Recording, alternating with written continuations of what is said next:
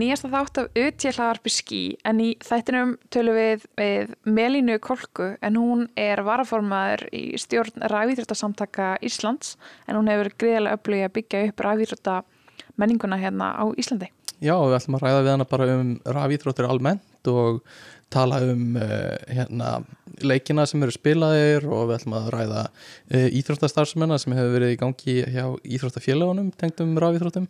Já, þú veist eins og segi hvaða leikið er verið að spila, hvernig er eiginlega spilað, hvernig virka þessi mót, Mm -hmm. hvernig er starfið hérna heima, hverjir eru, er hægt að spila og líka þessar stærstu spilara, hann er alltaf gríðarlega peningur í þessu, tölum um töluleiki eðinæn, hversu gríðarlega stór hann er. Einmitt. Svo tölum við um stöðu kvenna innan rafíþróttadeildarinnar og geirans og uh, svo förum við og, og skoðum aðeins hérna uh, hvernig þetta tengist við hefðbundan og íþróttir.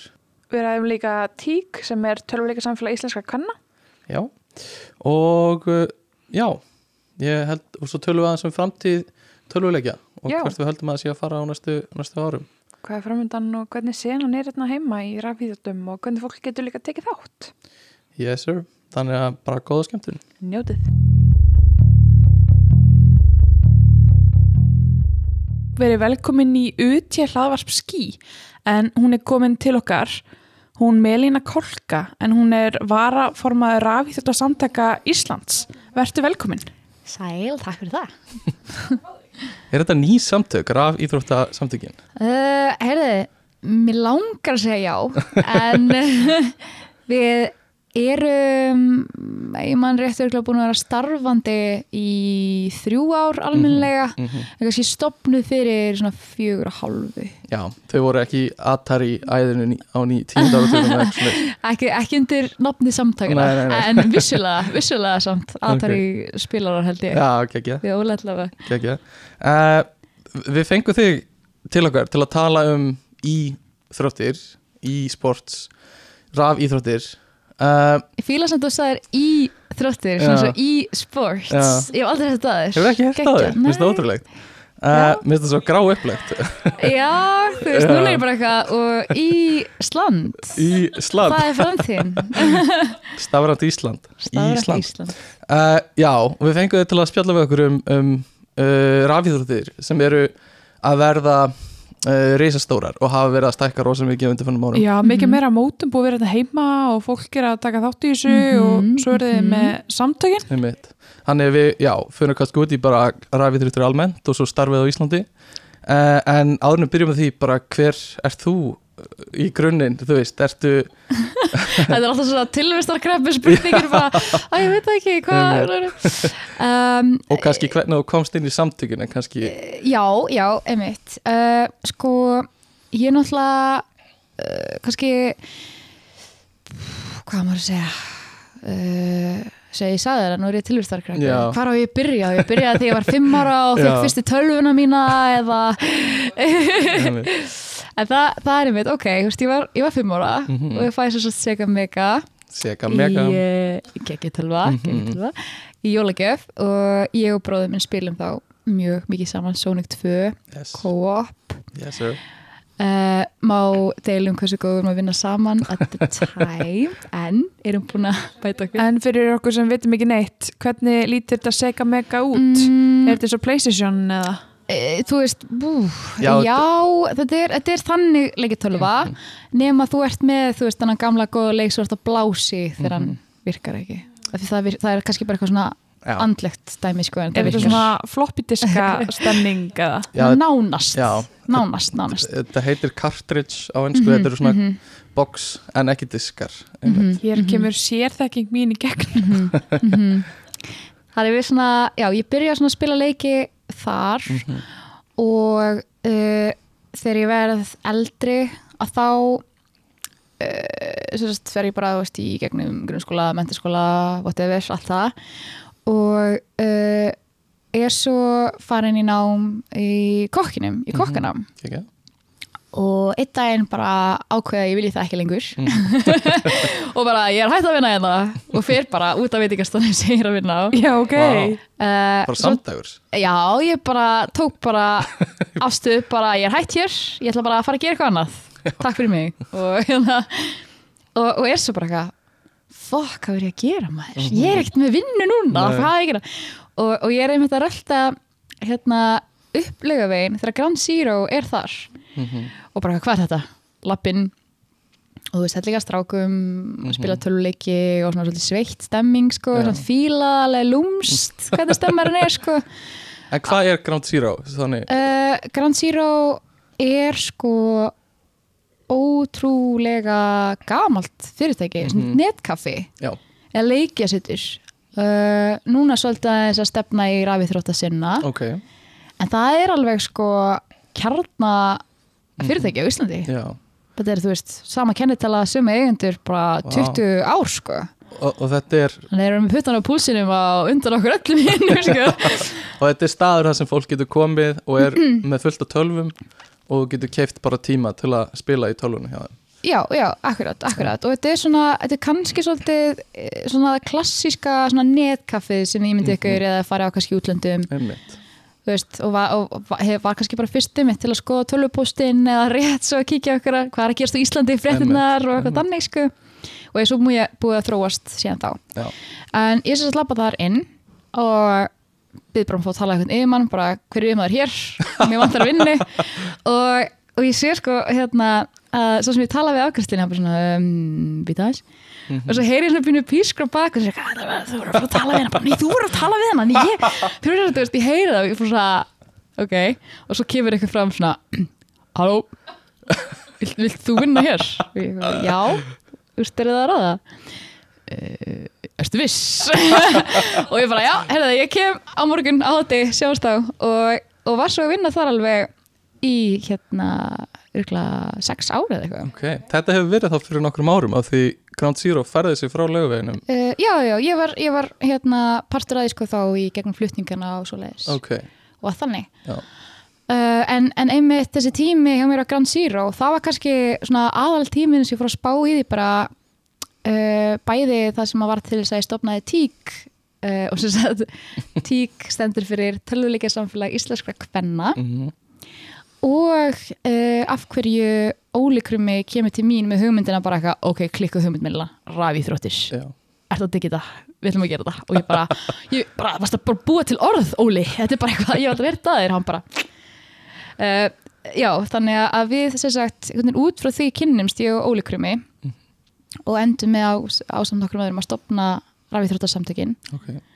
Og þetta var á þeim tíma allt bara áhuga, áhuga Mhm. fólk um rafið þróttir sem vildi bara gera eitthvað cool fyrir rafið þróttarsinnan á Íslandi saman. Einmitt, þegar að enginn var svona að gera það, það var bara mikil vöndun Mhm. og mikil eftirspurn. Miklu meir eftirspurn en, en við gerðum okkur í rauninni grein fyrir sko, þegar við vorum að byrja með þetta. Uh, og hérna og, og ég svona, veist, gegnum starfið mitt á Ground Zero mér, ég fannst það að mér langaði þú veist, að skipulegja mót og, og ég var alveg manneskjan sem að sendi bara út í bæ, bara eitthvað hæ, viltu styrkja þetta mót sér að halda hérna? Veist, og, og, og tala svo við hérna mitt uh, Riot leikjafyrirtæki Erlendis bara, hi, do you want to uh, help me with this tournament, my name is Melina I live in Iceland, og þau bara, "I- Iceland, what, þú veist, Já, já, einmitt. Og, bara einhvern veginn, þú veist, það það bara svona vindur upp og segja mhm, að allt í henni er ólíkrum með mitt sem er sérst formaður rættasamtakana bara, meðlega, þú ert bara manneskjan sem er mest hérna að reyna að peppa þetta sko, ég, ég þarf bara svona klikkaða manneski með mér sem að bara þú veist, er bara í þessu ástriðu sko. Mhm. þannig að það er svona ég veit ekki alveg hvort það svarar hver ég er sko Jú, en, en svona í ykkur áttina. Það eru verið á Ground Zero áður? Þú veist, varst það mikið að spila tölvuleiki eða þú varst í kokkanáminu mm, ég nefnilega sko ég var ekki mikið á borðtölvu. Nei, ok. Ég, ég, ég, ég ólst ekki við að vera mikið að spila á borðtölvu og ég svona svolítið misti af þeirri bylgju sko. Mhm, mhm. Vist, ég er ekki af hérna, alveg gamla skólanum sem var alltaf í Counter-Strike. Nei, kom svolítið sittna inn í það. Einmitt. Mhm. þú veist, það var bara ég manast það var eitt skipti sem að ég, sem sagt, ég spilaði stundum á uh, uh, bara hérna á aðgangi vinna míns Mhm. sem var strákur undir hans nafni uh, því ég var svona 13 ára Mm. og bara ég veit það ekki þú veist, að því að, að mér fannst það pínu svona óryggisatri eitthvað en að vera Mm, ég einmitt. á netinu í svona einmitt einhverjum leik á netinu sko. Já. og ég man, þú veist, ég fekk eitthvað svona bara, bara frá okkur liði sem að tapaði á móti okkur bara, þetta er minna út í Snælandi ertu Íslandingur, bara Snælandsvídeó hittist þar. Og ég bara, ok, ég er að koma. Bara, þú veist, með júsinafni eitthvað Teddy, þú veist, 90 eða eitthvað og mæti þetta Snæland bara eitthvað, hefur varst þú okkar, bara eitthvað þú Teddy 90 og ég hérna, já maður bara, þú veist, og það náttúrulega gerist ekki þetta, bara eitthvað, gauður, þú ekki að fara að buffa stelpu, bara eitthvað, veist og já, þetta, þetta, þú veist, þetta var alveg fyndið, sko, það Já. gerðist ekki, þetta var allt í góði en Mhm. en það var svona úlinga aldrei sko, þegar maður var alltaf í einhverjum rík og eitthvað, Mhm. þú veist, Kekja. bara gaman að því sko. Það er mjög gaman að heyra að þú sést svona, uh, svona er er, hérna en hver eru svona helstu störfin hjá rafíþróttasamtökunum, er það að halda mót eða, Uh, ó, mjög góð spurning af því að við, við erum alltaf að skilgrana það. Eru þið með skrifstofu og starfsfólk? uh, Já, núna sko núna eftir að við uh, fórum bara ofinbarlega í samstarfið að Rýna Gaming sem var opnið turninum í Kópau fyrir það sem ekki vita mm sem er einmitt uh, rafíþrótta staður og mjög stór og flottur og veglegur, mæli með að kíkja við. Mhm. Er þetta öðru sem Ground Zero eða? Uh, já, öð, sko öðruvísi en Grand Zero að því að leiti að þeir fóru svolítið mikið, eða þau fóru svolítið mikið í alveg rafítróttarliðina og, og þau töluðu okkur í rafíþróttasamtökunum uh, bara, við erum komið samstarf okkur vantar ykkar input og við viljum hafa, þú veist, við viljum veita ykkur líka bara aðeins sterkari umgjörð uh, Við fengum skrifstofuplast þar, við erum með stúdjó núna, þar sem við getum tekið upp allt sem að við kemur dildum, rafítrótta, viðtöl, við getum verið með podcast þar í rauninni, sko. Þannig að veist, þetta er, þetta er ótrúlega, ótrúlega stert einhvern veginn að, að þetta er bara, og bara súrelist að þessi komin svona staður og, og á Íslandi og, og bara, þú veist, einn af flottustu stöðunum núna. Er fólk að keppa þarna er Já, já. sig eða? A algjörlega, algjörlega. Uh, það eru byrjar æfingar með fylki fyrir yngri hópa og, og svo eru nokkrar tölfur sérstaklega teknar frá fyrir rafíþróttalið sem Mhm. eru að æfa fyrir mót eða deildirnar sem að þau Mhm. geta það leikt og fara ekki í almenna leigu heldur eru bara alveg einmitt til einhver atvinnumönnunum eða fagmennunum og, og við erum eitt sko uh, að því voru að spyrja veist hvernig, hvernig við skilgjörnum okkar vinnu uh, veist það er búið að breytast svo mikið. Og þess að segja, það, við erum einhvern veginn alltaf á hverjum einastu stjórnafundi bara eitthvað, jæja hvað erum við núna? Já, já. það, er- mér finnst það mjög eðlilegt sérstaklega með við þetta er svona tiltörulega ný sena rafíþróttunar mm og sérstaklega hérna heima og þetta bara eftir að stækka margfaldast skilur á næstu árum þannig að mér finnst mjög Já. eðlilegt að vera að taka tíma í að finna veist, hvernig ykkur starf sem Mhm. fyrir fram Mhm. Það er náttúrulega líka sko uh, þú veist, við náttúrulega byrjum bara sem sjálfskeipuð stjórn bara Mhm. fundur settur, er þetta laun okkar já þetta hljómar eitthvað vel ok, þú veist, og reyna bara svona að vanda okkur geðið mikið Mhm. með allar hérna, allar lagagerðir og allt svo leis mm og, og hérna, og, og fyrst erum við bara ok, hverjir hafa að genga rísi þú veist, uh, leikmenn, þú veist, hvert er hlutverk okkar núna, halda deildir og halda mót af því að það er skortur á því.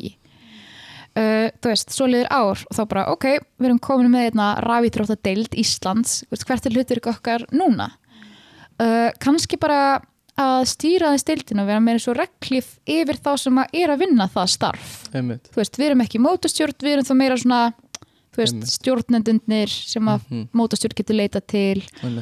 Er það, er þetta að byrja saman við bara ISI, Íþróttasam hérna, samtök Íslands? Uh, þú veist, já að, að- já, já, þú, já þú veist, að, að vissu leiti sko, þetta er svona eins og að við séum að verða svo easy en Já. bara smá saman, þú veist, þess að við byrjum sem hérna íþróttafélagi valur og svo erum við allt í norðin, þú veist, Einmitt, einmitt. í bæjarstjórn og svo erum við allt í norðin bara, þú veist, svona að vinna okkur upp það, Einmitt. þannig að því að, að því svo er svo í dag uh, þá eru úst, meðlumir rísi eru aðildarfélög, þú veist, íþróttafélögin.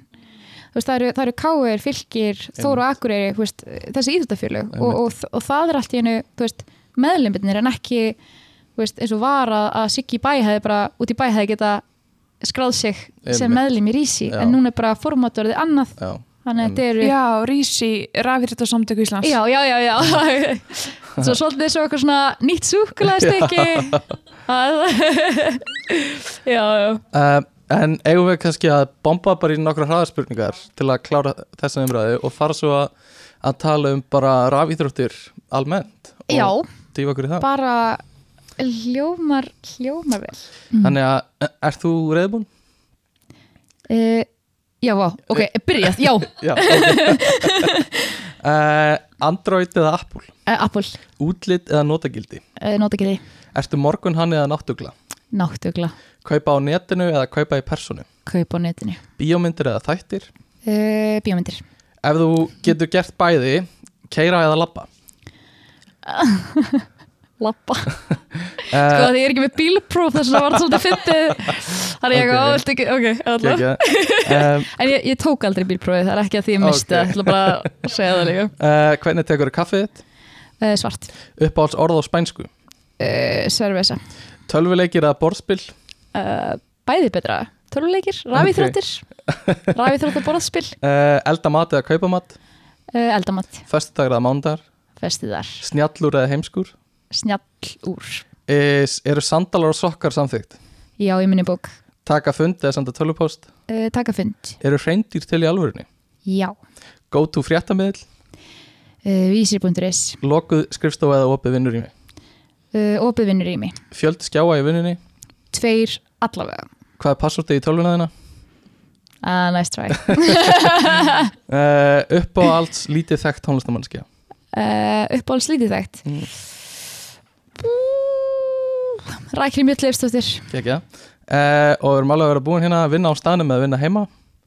Uh, Vinn á staðinum Vinna bara fyrirhátti eða bara eftirhátti Bara fyrirhátti Og hvort myndir þú vilja ferðast 100 ár fram í tíman eða 1000 ár fram í tíman Wow, þúsund. Kekja, æfintir að gera til í það. Ég er sammála. Uh, Svo er ég með nokkra svona sérstakar tölvuleiki spurningar sem Ok. okay. er að prófa. Mm uh, og þetta er, er bara örfáar. Þannig að uh, PC, konsól eða mobile? PC mest spilaði tölvuleikur? Diablo 2 uppáhalds tölvuleika persóna? Uh, Lara Croft í Tomb Raider. Single player eða multiplayer? Multiplayer. Playstation eða Xbox? Playstation. Eru tölvuleiki listform? Já. Búrbásjór, Skörtul eða Charmander uh, Charmander Baby! Charmander Ok, geggja Ég er náttúrulega Charmander í stjörnumerki. Hmm? Ha? Nei, Eru Pokémon stjórnverki til? já, Ok, nei Ég var, ég var, ég var spurða þessi mögulega því ég var úlingur reyna að smikla mér inn á skemmtist Ah. hvað stjörnumerki ertu? Magikarp. Ég bara, "Ah, Charmander og, og vinni mínir hafa gert endala skrýna mér fyrir að, að svara Charmander síðan þá. Uh, Áhugavert að hafa nice try sem passvort á tölvu Nice try guy, 1337 það er passvortið mitt. Geggja uh, Já, þú ert ekki ekki með bílpróf og uh, kaupir á netinu Ertu mikið að vaka fram eftir í náttugla? uh, Sko, já og nei uh, Núna í dag Mm. er ég að vinna á fyrirtækjasviði hjá Hringdu og þar er ég 9-5 Ah. og ég meina, þú veist, þegar að þegar ég var að byrja þar frá því að fara á Ground Zero þar sem ég var á kvöldin og næturnar Einmitt uh, þá hérna var ég búið að fund líka með ringdu í byrjun og bara hæmilina, ég veit þú ert náttúrulega hvernig gengur þér að vakna 95 og ég bara takk fyrir að vera svona góð mannustjóri það er ógislega erfitt og ég bara fekk að sopna með það Já. og, og það hérna en, útrúlega, þú veist, indislegt að vinna á vinnustæða sem er út spurð bara við vitum orðst að koma miklum breytingu en, en það er alltaf Mjög ykta breytingar sko. já, Hvernig varst það að vakta á Ground Zero? Sko, ég var að byrja sex um, kvöldmandalendið og var kannski, þú veist, til eitt á næturnar, svo eða var stammar í húsinu, þá var ég svolítið bara svona æ, ég vil ekki bara vera þetta til þrjú æ, ég vil ekki bara vera aðeins lengur þú veist, og- smá svona eins og þjónar sko. Já, já, og líka uh, þú veist uh, það var alltaf bara indislegur hópur aðna og, og þú veist, mér fannst, ég var náttúrulega að mæti í vinnuna en þú veist uh, mikið af fólkinu og svona fastagestur og svona, þú veist, vorum eins og félagið mínir, vinnufélagið mínir en voru sem náttúrulega bara, þú veist, að spila líka. Einmitt. Og um, hérna uh, Og ég, þú ert meira í PC-tölvum núna? Uh, já, það bara fór alveg Mhm. hérna, heila ringja mér sko. Einmitt, einmitt. Ok, uh, ég held að er eitthvað sem við viljum tjekka inn á meira hennar, erum við ekki bara Ég held það sko. Já, það var algjör snild Já, líka hafa valið tölvuleiki fram með borspil Er það samt ekki alveg svolítið?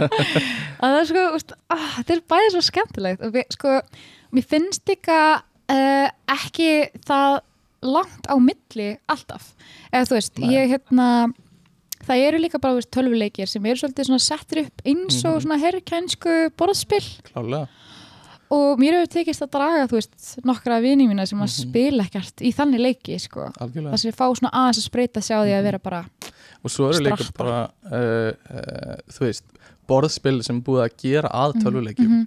já, já, þú veist, ég meina, ok, núna eru þau kannski með þetta um Among Us æðina Mhm. í heiminu Þú veist, þetta er ekkit annað en varúlfur spilið, þú veist Algjörlega eða morði í myrkri, þú veist Mhm. bara eitthvað vaknar hérna einhver döður, þú bara hver gera það, veist, ég spilaði þetta þegar ég var sex ára í batnaðamæli mm og, og, og núna er allt í nalli bara, já, þetta er einhver Mhm. leikur hérna og ég bara, ég, ég er búin að spila þetta borðspil í mörg ár, sko. Þannig að það er svolítið skemmtilegt og, og við hérna ég hef spilað með ótrúlega skemmtilegu fólki Among Us sem Mhm. einmitt spilar enga aðra leiki Nei, en bara er algjörlega, algjörlega búið að, hérna, að festa sig í Among Us sko. Þetta er líka alveg leikur sem er tilvæglega fyrir byrjandur sem hafa ekki spilað Já, að 100% þú getur spilað hann í símanuðinum Mhm, þarf ekki mhm, tölviða mhm, og, mhm. uh, En uh, við höldum áfram og ég er með spurningu hérna sem er uh, eru bara nördar sem stundar rafíþróttir Já, Gott, Nei. höldum áfram okay, sko, ok, ég ætla, ég ætla að segja þetta af því að, að því að það er líka búið að breytast mm Mhm. að því að þú veist ok, nördi er einhver sem hefur áhuga á einhverju sem er ekki almennt Mhm, áhugi fyrir Einmitt. mjög svona sérstætt einmitt. og það er alltaf hérna það voru alltaf nerd nights nördakvöld Mhm. í stundakjallarinn í Háskóla Íslands Ok, og ég sem sagt bauð mig fram ég skal vera með fyrirlestur á nördakvöldinu fyrir vinkunum mína úsla, hömbul af Já. mér og hún bara, sorry Melina, þú ert eða ekki nördi sko. ég held að ek, úst, alvöru Mhm. nördarnir fái bara minnumáttakend ef þú mætir af því rafíþróttir eru sport og ég bara, Ó, wow, wow, wow, wow þú veist, það var þetta er dottið út úr já, nördarinn, sko. ég, þú veist, þannig að pff, ég veit ekki með þetta sko. Nei, og það er góð pæling þannig að það eru kannski engir nördar í rafíþróttum og er í nákvæmari setning uh, en, en þetta er sem sagt hver er munur bara á að stunda og það að spila tölvuleiki og að stunda rafíþróttir? Þú veist eh, þetta er náttúrulega eitthvað sameigilegt við þetta mm en ekki öll tölvuleiki spilun er rafíþróttastundun. -hmm. ég meina þú veist, það er náttúrulega hægt að skipta þessu svo mikið niður uh, að þú ert með einmitt keppnisleiki og, og þú veist, sko skilgringin á e-sports rafíþróttum er leikur sem að þú keppir í á móti einhverjum öðrum. Mm -hmm, veist, og er hægt að keppa í. Mm -hmm. og, og þú veist, sko mín persónulega skoðun er að það er hægt að búa til rafíþrótt úr hvaða tölvuleik sem er. En, en hérna, en hvort að þú sért að spila leikið sem rafíþrótt eða ekki uh, er annar mál af því að af því að hérna, þú veist, núna mitt uh, í gegnum starfum mitt og rísi hafa fóröldrar oft spurt mig bara meðlega hvað ég segja við batni mitt, það er bara eitthvað ég ætla að spila Fortnite í 12 tíma því ég er sko rafíþróttamaður núna einmitt, og ég er að æfa rafíþrótt og, og, og ég hef sagt á móti bara, ok uh, segðu þá bara við batnið þitt ok, ef þú ætlar að vera við þrótt þá ætlar þú að fara að uh, fara svo að snemma kvöldin, þú ætlar að borða svona Mm -hmm. þú ætlar, uh, þú veist, að horfa á æfingamindbönd, þú ætlar Mhm. bara að spila, þú veist mestalagi tvo tíma á dag, þú ætlar að horfa á upptökur á leikjana þínum, þú veist, þú ætlar að sinna andlegri og líkamlegri heilsu og taka þetta á það skref. Og þú veist að mæta líka, þú veist, í þólfimi þetta er bara, veist, þetta helst allt í hendur. Og þú veist, og þá eru krakkarinn bara, já, ok já, ok, Mhm. já, ég meina þú veist, ok, og, og, og þú veist, og svo faraðu uh, mörg í rafið þetta starf sem að íþróttafélagin eru komin með núna og bara, þú veist, Mhm. er að blómstra þar, sko.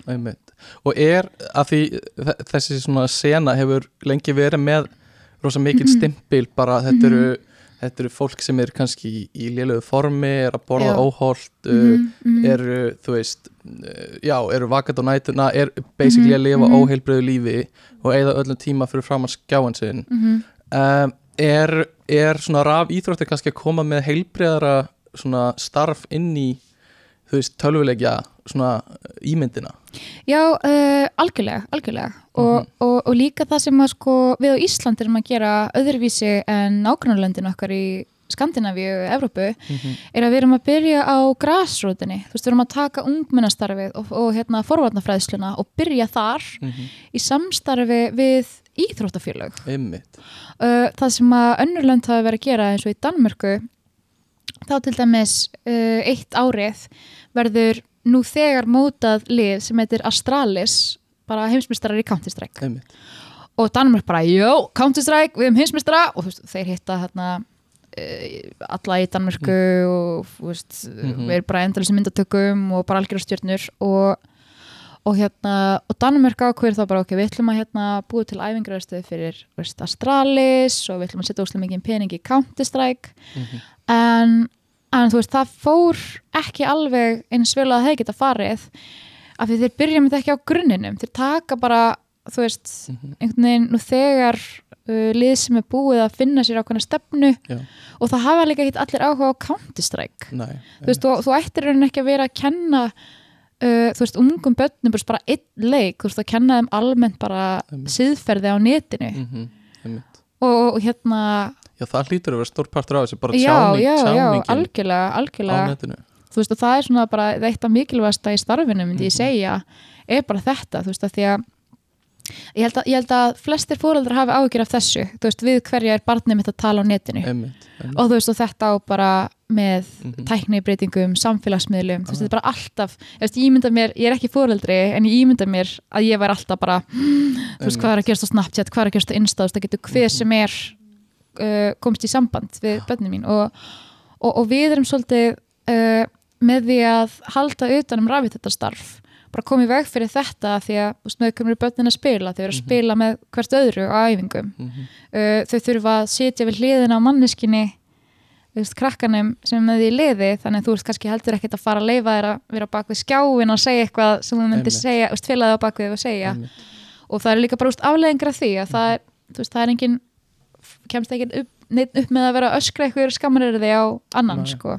Þetta er, þetta er líka bara stór partur af já, já, hefðbundu íþróttastarfi Mhm, svona mhm. að, að þú veist hægða sér íþróttamannlega Mhm. þetta er alveg svona stór partur, Mhm. taki hendina eftir leik, fyrir Mhm. leik algjörlega og, og ég held að sé bara það er bara jafn mikilvægt, ef ekki mikilvægra í rafíþróttasinni að Mhm, að læra að hægða sér uh, fyrir aftanskjáin mhm, um, þannig að það er gott að heyra að það sé verið að adressa þetta sko mhm.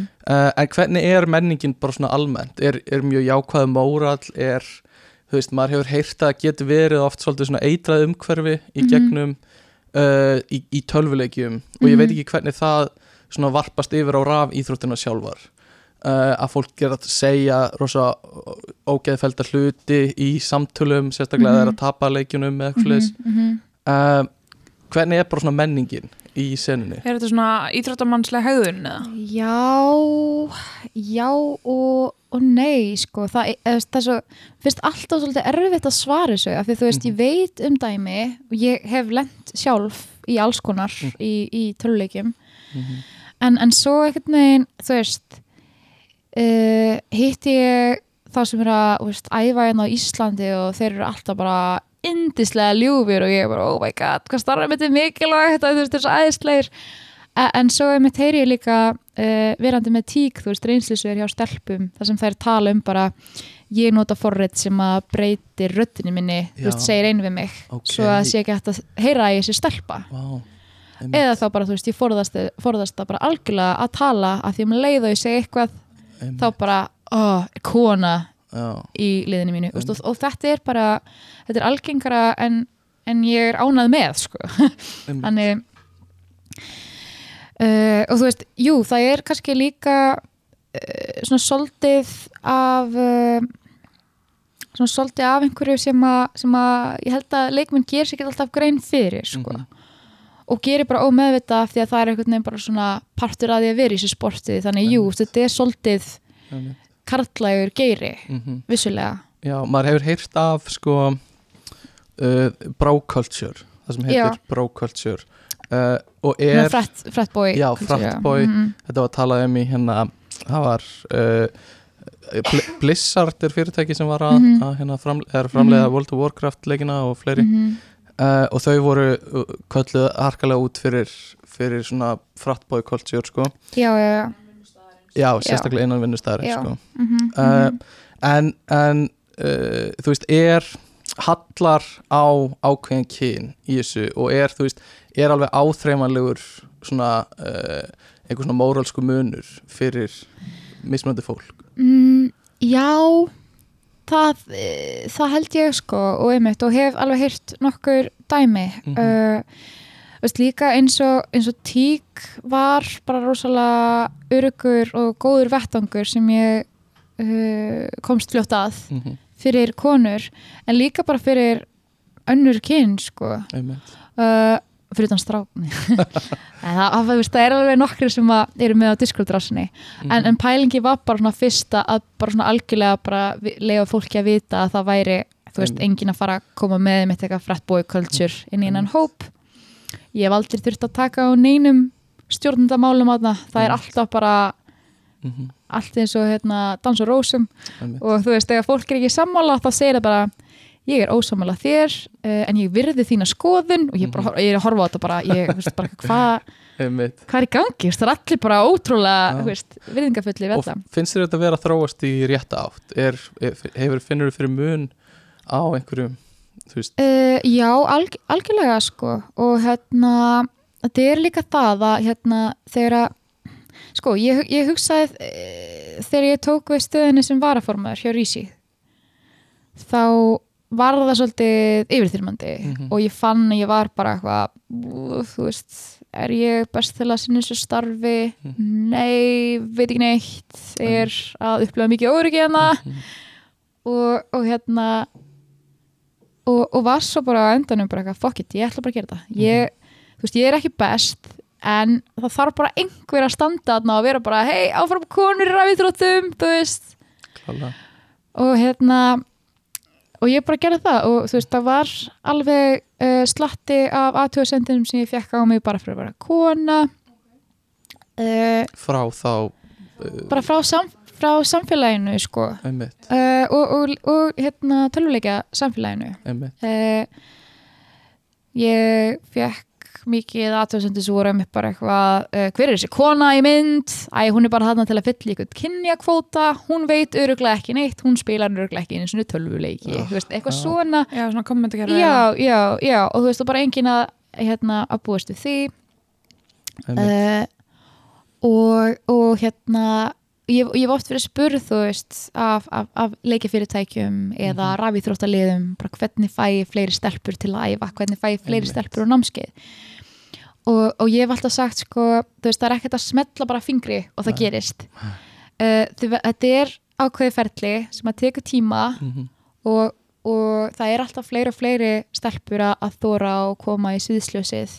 Af, því, af því þú þarft að vera mhm, sko sorry, en þú veist, það þarf svolítið bara að taka á sig skellin að vera í sviðsljósinni og Mhm. vita hvaða höggur þú ert að fara að fá á þig uh, og gera það bara fyrir okkur hinnar þú veist, einmitt bara svona riðja veginn af því að, að því unga stelpur þurfa á fyrirmyndum að halda og, og það Einmitt. er að gerast alveg smá saman Og hvernig virkar þessi senna? Eða viltu klára kona? Já, ég ætlaði kannski að klára bara af hverju þú heldur að stelpur séu uh, já, kannski svona tregara að koma inn í og byrja bara að spila töluleiki og af hverju kannski áhugin sé bara minni yfir höfuð. Eins og með Kristjánu uh, ég hef stundum reynd að spila með henni og komin inn í einhverju töluleiki sem ég fíla en ok, ok, það hefur aldrei verið spurning getum við prófað aftur eftir Mhm. fyrsta skipti, skilur við ok Uh, Ég spila bara Sims. Mhm, og þú, og þú er svona að býða eftir því að hún spyrir getur við prófað aftur Já, ég Stefán, meina, það getur við það aftur? Já, það kemur aldrei en það kemur aldrei það er eins og bara og bara ég, þú veist af hverju er ætlið að sé að sé einhvers konar minni áhugi uh, hjá þess, þú veist, hjá ákveðnum hóp af fólki frekar en hérna, er það svona underrepresentation í Þú veist, leikinum? já, þú veist, bæði og ég meina uh, þú veist, ég fíla hryllingsmyndir ekkert sérstaklega Mhm. þú veist, en ég en ég hérna horfi kannski á annað sjóðsefni einmitt þú veist, tölvuleikir eru svolítið það líka Mhm. uh, eins, og, og Kristina var að segja hérna, þú veist, hún fílar Sims Mhm.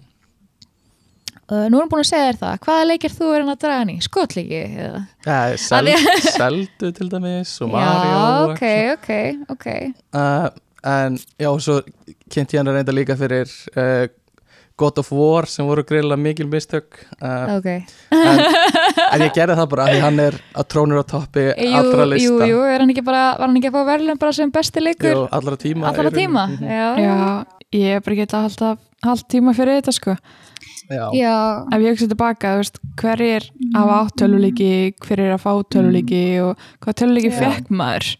Eins og þú sagðir eins og fekk, fekkst í ammalskjöf eða jólagjöf eða eitthvað. Þú veist, þú færi fyrsta Mhm. leikin og þú veist, hvað er ammaðinn og frænka en að fröndiðin að fara að gefa Mhm. þér? Þú veist, er það eitthvað, já, þú veist já, amma, já, ég ætla ekki bara já, tölvuleik handinni þú veist.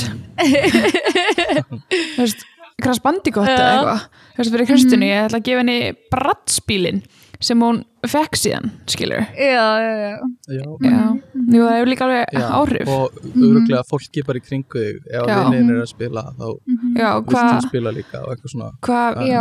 eru að gera og hvað þú ferði gjafir og líka hvað er verið að auglýsa gagvar þér, Mhm, hvað eru stelpuna að leika með í blaðinu sem að er flétti og valdi þú veist, exaði við, Mhm. þið veitir þegar maður var að velja Þannig að það jólagjafir gæti verið Já. ef það er einhver breyting uh, núna í bara svona uh, á, svona jámarkasetningu eitthvað svona já, sem höfða meira til. auglýsingar ég held að það hafi Gæti bara verið, sko. áhrif líka. Já, klálega þetta er bara saman sem að það er fyrirmyndirnar Mhm. sko, þú veist, algjörlega, þú veist hvað, hvað, hvað er fyrir mig, þú veist, hvað gæti ég haft Mhm. klálega, áhuga á? Og, algjörlega. Og mér finnst það, eins og- eins og Kristi að tala um líka, þú veist, eins og með bara áhuga svið á leikjunum uh, ég meina, mér fannst óslega leðilegt uh, að Activision Blizzard veist, væri eins og það er, eins og var mikið fjallað um þetta frættbói hérna, frættbói menning og Mm. og ég meina það er ótrúlega sorglegt að, að kona hafi bara endað með að fyrirfara sér í, veist, í, í vinnuferð þú veist, Einmitt. bara því hún þóldi ekki meir Mhm. og, og hérna að því að sko Blizzard líka gáði leikin Overwatch Mhm. sem var skil leikurinn sem að höfðaði mest til kvenna í skotleika sinni bara í mörg ár Mhm. Já. og hérna og það var svo merkilegt þú veist að Overwatch er með svo uh, fjölbreytt karaktera úrval uh, þú veist, þú ert með hérna uh, konu af indveskum uppruna sem er, þú veist, á yngurarofinu og er einmitt svona Mm. Arkitekt, byggir hluti og pælir óslega mikið í því. Mm. þannig að þú komið karakterin í skotleik sem getur samt hannað og byggt hluti. Mhm. og, og svo ertu með hérna frá Skandinavíur og svona massaða cool stelpu sem er einmitt líka sko uh, verkfræðingur. Einmitt og hérna svona heavy lifting svona meistara konu frá Rússlandi og svona og það kom bara með svo mik mik mikla flóru Já. af alls konar konum Mhm. að það geta bara einhvern veginn allar og allir, þú veist, bara Einmitt. öll fundið eitthvað við sitt hæfi, þú veist, að það skipta svo miklu máli að þú einhvern veginn þú veist, hafir áhuga fílir Mhm. karakterin sem þú ert að spila eða allavega söguna eða, hvað er að gerast, sko um, já, uh, sko ég var líka að hugsa eins og þeir sem eru á toppnum sem, sem eru prós, fagmenn í, í þessu. Já, uh, ég veit ekki hvort þú getur svarað þess en eru þeir veist, eru þeir að njóta þess að vinna við þetta? Eða er þetta orðið bara svona vinna rútínu vinna? Er þetta þeir eða er Já, þetta þeir? þau, já, mm að þú veist kannski er þetta þeir? Ég veit ekki. Já, uh, það eru alltaf flestir sko, karlmenn eru miklu ofalega ofar í hérna, tekjum Mhm. í atvinnum mennsku uh, það er ekki margar konur sem eru á sko á, í atvinnum mennsku í sömu deildum og Ok. karlmenn. Ok. Uh, ég fer það ekki eftir kynjum eða sko, sko, bæði og. Það hefur sko að, að því þetta með þú veist að vera að vera stelpa og fara í ræðta sinna þú veist að það hafa verið og eru þú veist hvennatildir að því að það er hugsað sem kannski betri stökkpallar Akkurat. fyrir konur að byrja Mhm. þú Ó, veist, þú veist já, já, heitir kannski svolítið skeri einmitt, einmitt, þú veist, að vita bara eitthvað ég er frá að vera eina konan sem mætir á þetta mót bara, this is a man's world Einmitt. þú veist, og það er það er bara rosa fráhrindandi og, og yfirþyrmandi Mm. Algjörlega. Og ég var svolítið á móti svona hvernig til þeim fyrst "Ugh, hvað, þú veist, er þið eitthvað betra í þetta og takka en ég, en svo er bara svona, já ok, þú veist, ég er náttúrulega ok, tík er samt basically þetta. Þannig að, ok, ok. Um, betra í þetta takk en, en það hefur líka verið sko það var svolítið umdeilt eða mikið talað um.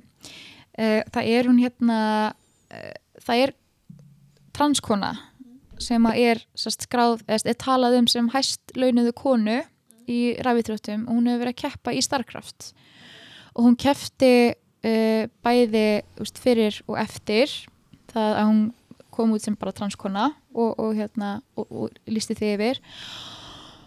Og þetta er svolítið áhugaverð umræða sko af því að það eru, það eru margir uh, ósamála um það sko að hún sé endilega hæstlaunað kona eða, veist, eða hvernig á að skilgreina það. Og sko, og ég heyrði að tala einhverjum um daginn við mig.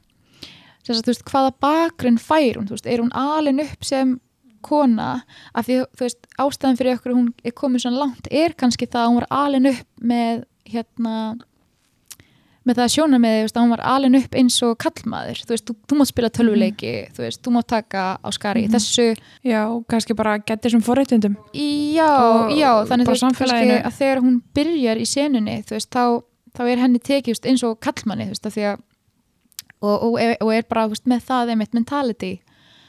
Uh, og þú veist, þetta minnst það svolítið áhugverð að tala um þetta, sko, af því þá er ég svolítið líka bara ok, en þú veist af hverju eru þá ungar stelpnur ekki bara líka aldnar upp með þetta sjálfströst veist, í, í þessari senu. Heldur að það verði fyrir meiri hindrunum heldur en að hún hafi orðið fyrir? Uh, eða þeim veist, kannski bara órar ekki að prófa þetta? veist, kannski, kannski, þú veist, var það eitthvað svona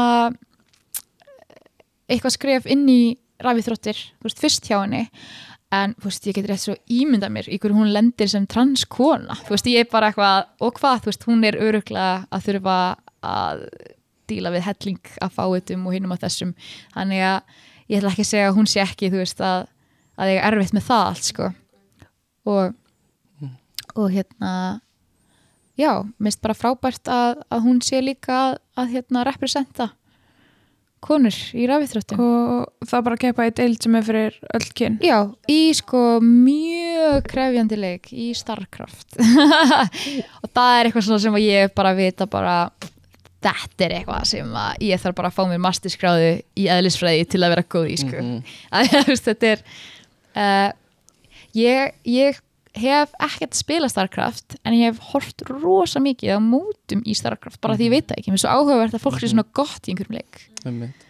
Þa, þetta er mjög áhugavert bara talandi um mótin sko, mm uh, og við getum kannski talað um hvernig þau eru sett upp en þú veist þá eins og þú varst að segja þú getur hort á mótin -hmm. og uh, þú ert með lýsa er það ekki, Mhm. sem er að lýsa því sem er í gangi -hmm. og kannski einhver svona herrkjensku sem er í gangi, einhver svona strategies eða, eða einhver tækni sem er verið að nota bara svona eins og í, í íþróttum Já, uh, e- getur þú kannski gefa okkur betri insýn í hvernig bara svona það er að vera áhorfandi á þú veist, ertu með einhver svona chat í gangi sem þetta eitthvað spjall sem þú ert að fylgjast með líka eða svona eins og þú ert að horfa á Twitch eða er þetta bara, bara eins og að horfa á fótbolta. Eða, fyrir liði og rúla stólunum sinu bara inn á sviði Sveiflar músinni bara eitthvað er þið er bara eitthvað að færa skrippborðið Sko, þetta er náttúrulega uh, að horfa á þessi svona starri mót þá er hérna þá er alveg verið að kynna veist, leikmenna inn. Mhm. uh, bara eins og inn í boxringin sko. það er svolítið það og, og þeir, þú veist, fari þið fari á já, sko- bara svo svaka ljós og sjó já, já, já, þetta er algjörlega það sko, og þú veist, og það er líka bara partur af stemmingunni sko. Uh, það er á Twitch það bara því Twitch er svo stort plattform fyrir Mhm. tölvuleiki og rafítróttir að þá er mikið af þessum mótum sem að eru í bytni þar. En ég meina uh, hérna á Íslandi þú veist, við erum að sína frá deildinni íslensku rafítróttadeildinni í sjónvarpi á stöðu 2 einmitt, og það er það náttúrulega bara svolítið eins og að vera að horfa á Mhm. fótboltaleik og þú veist, Einmitt. og það er einhver eins og Kristján Einar veist, að segja þér hvað er að gera og stó fyrir hverju þú ætti að vera spennt já, og það er svolítið það sko Er maður þá að sjá andluta fólkinu sem að spila eða ertu bara að sjá skjáin eða? Uh, þú sérð þú sérð skjáin hjá fólkinu uh, í Counter-Strike þá erum við með mynd bara svona litla, þú veist, passamynd þannig af, af leikmannum Já, bara úr Við hliðina, sljósmynd sko. eða já, já, kamera á já. þau Það, er, það er bara svona ljósmynd. Uh, en við höfum verið með sko í úrslitunum með eitthvað svoleiðs þá höfum við sett inn í mitt uh, live einmitt, útsendingu frá þeim að spila af því að þá þú veist, erum við með á staðinum núna, núna í COVID hefur þetta svolítið farið líka fram í fjarspilun þannig þeir eru ekki að hittast Einmitt. hjá okkur í stúdíóinu að spila. En vanalega er það þannig á stórum mótunum að það er allir í persónu. Já, já, já, já. Að nota sínur eigin græjur að, að nota lánsgræjur? Ú, sko uh, cannot confirm or deny sko. Nei, sérst, er þetta ekki svona eins og músin þín sem þú notar? já, ég get alveg já, algjörlega. Eitthvað svona eins og að vera í réttum Mhm. skóm. Einmitt, það er kannski hægt að líka þessu við það. Þú, vilt, þú færð ekki skó hjá FIFA til að þú veist, þú kaupir bara þína eigin fótboltaskó já, já, þetta er þetta er algjörlega þetta, þetta, er, þetta er algjörlega það sko. ég veit að Íslandi þú veist, þá taka allir allir sitt með en svo þekkja það ekki alveg alþjóðlega hvort það sé ykkur reglur um að veist, mótið er sponseraða hérna, þessu fyrirtæki og þá verður við að spila það. Einmitt, en það er allavega, þú veist, þeir fá leikmenninir góðan tíma venjulega til að æfa og, hita upp og stilla allt og fara yfir allt alveg mörgum dögum áður en að mótið er sko. Já, En þú veist hvað heitir maður upp? Ég sé fyrir mér svona heitir puttana. Já, þú veist, þetta, þetta er mjög góð sko. Farið ekki hérna sinnaskeiða bólku og svona, þú veist. Þú veist, þú veist passa hálsinn Já. og þið veitir og bara uh, he, hita heilan upp og spila einhverja æfingar Já, algjörlega, það þarf náttúrulega að vera með rosalega hröð viðbröð mm Mhm. í þessum leikjum og ég meina að þú ert að þú ert að framkvæma kannski ég veit ekki hversu margar aðgerðir bara á sko sekundu eða þú veist. Ákaranir og Já, þú ert náttúrulega bara að spá í öllu hvað er að gerast, hvert þú að gera, hvert að klikka þú ert með hönd á músinu ert með hönd á liklaborðinu mm veist, það er bara sem dæmi einhver samhæfing sem þú þarft að læra þannig að þú verður þér bara alveg eðlisleg. Þú þarft ekki að hugsa að þú gerir það. Algjörlega. Bara svolítið eins og þú veist að spila á gítar. Þú veist, fyrst ertu alveg bara hérna, að vanda þig og svo bara kemur þetta. Klálega, og, og hérna, og þú veist að spói hvað þú veist, leikmennin er að gera meðri liði á mótir, vinninir þú veist, og svo í sumileikjum þarf þetta að halda þetta um einhver tíma. Ok, það eru þrjár mínútur þanga til þetta. Skipti og ákaranir tekna saman svona. algjörlega, algjörlega. Og það er einmitt sko uh, í rafithróttum á Íslandi núna á æfingum. Það eru rosalega mikið sko að einmitt kenna uh, krökkunum þetta, þú veist, hvert er þitt hlutverk í liðinu, þú veist, hvaða hlutverk ert þú ánægð með? Mhm. viltu vera uh, fremstur? Þú veist, ok fíla Mhm. einhverjir að vera fyrir aftan og kannski fylgjast mér með því hvað er að gerast og þeir eru ekki alveg onni öllum hasarnum, Mhm. þeir hafa kannski meiri tíma til að uh, taka ákvarðanir fyrir liðið plotta eða eitthvað þess að já, já þannig við leiðum líka svolítið krökkunum veist, að finna sig og hvað þau fíla mest sko, og spyrjum þú veist, ok, hvernig fannst þér að stjórna? Hvernig fannst þér að vera stjórnað þú veist, einmitt. Og svona það fannst það allt í þessu, bara með þú veist varnamenn og svo ertu með framherja, veist, þetta er já, markmann, markmann. algjörlega sko. Um, en hvað, við fórum töluðum að sem þetta áðan en þú veist, hvað er rafíþrótt? Ef ég myndi keppa í uh, bara svona að skrift eða svona stimplaðin stafi á já, vélritun eða minesweeper eða eitthvað. Þú veist, þú sagði ráðan að allt bara sem við getum keppt í mm uh, myndið þú telja að væri hægt að flokka sem rafíþrótt. -hmm. uh, er það svona almennt sjónamið hjá fólki? Eða er þetta meira bara þessir ákveðnu leikir? Sko það, sko, þetta er svolítið svona bara hvað hver og eitt skilgrinir mm sem rafíþrótt eins og er, sko -hmm. ég meina, ok, í svona innsláttar hraða keppni, Já. ég meina, það er alveg hort og það á Twitch, þú veist já, já, það er fólk að bara, ég var að slá mitt mitt og bara kemur sér örugglega mjög vel eftir hann að svara öllum á spjallinu sko. þú veist, Já. það ertu bara brrr, ekki fljótur að gera það en hérna sko, það er búið að spyrja um svo mikið að þessu og við erum búin að svo mikið í samskiptum við þú Mhm. veist, íþróttarhefinguna og KSI og, og bara þetta er íþrótt og þetta er ekki íþrótt og, þetta er- þú veist, Algjörlega. drrrr, og, ég er bara eitthvað komin á þessu steg ég er bara skiptir það samt máli það máli. það skilgrunni við Já, ástöðum þú veist, ef við ekki bara skilgrina þetta setna og ef við ekki bara fókus á því, þú veist, hvað þarf að gerast í samfélaginu, Mhm. hvernig við ætlum að halda utanum þetta, umgjörnum sem þurfum að, já, bara allt það, þú veist, að því að, Mhm. ég meina, uh, ég, það mjög veist, ég var sett í hérna starfshóp uh, með, sem skipu, skipuð á hérna mentamálaráðara Lilju þá.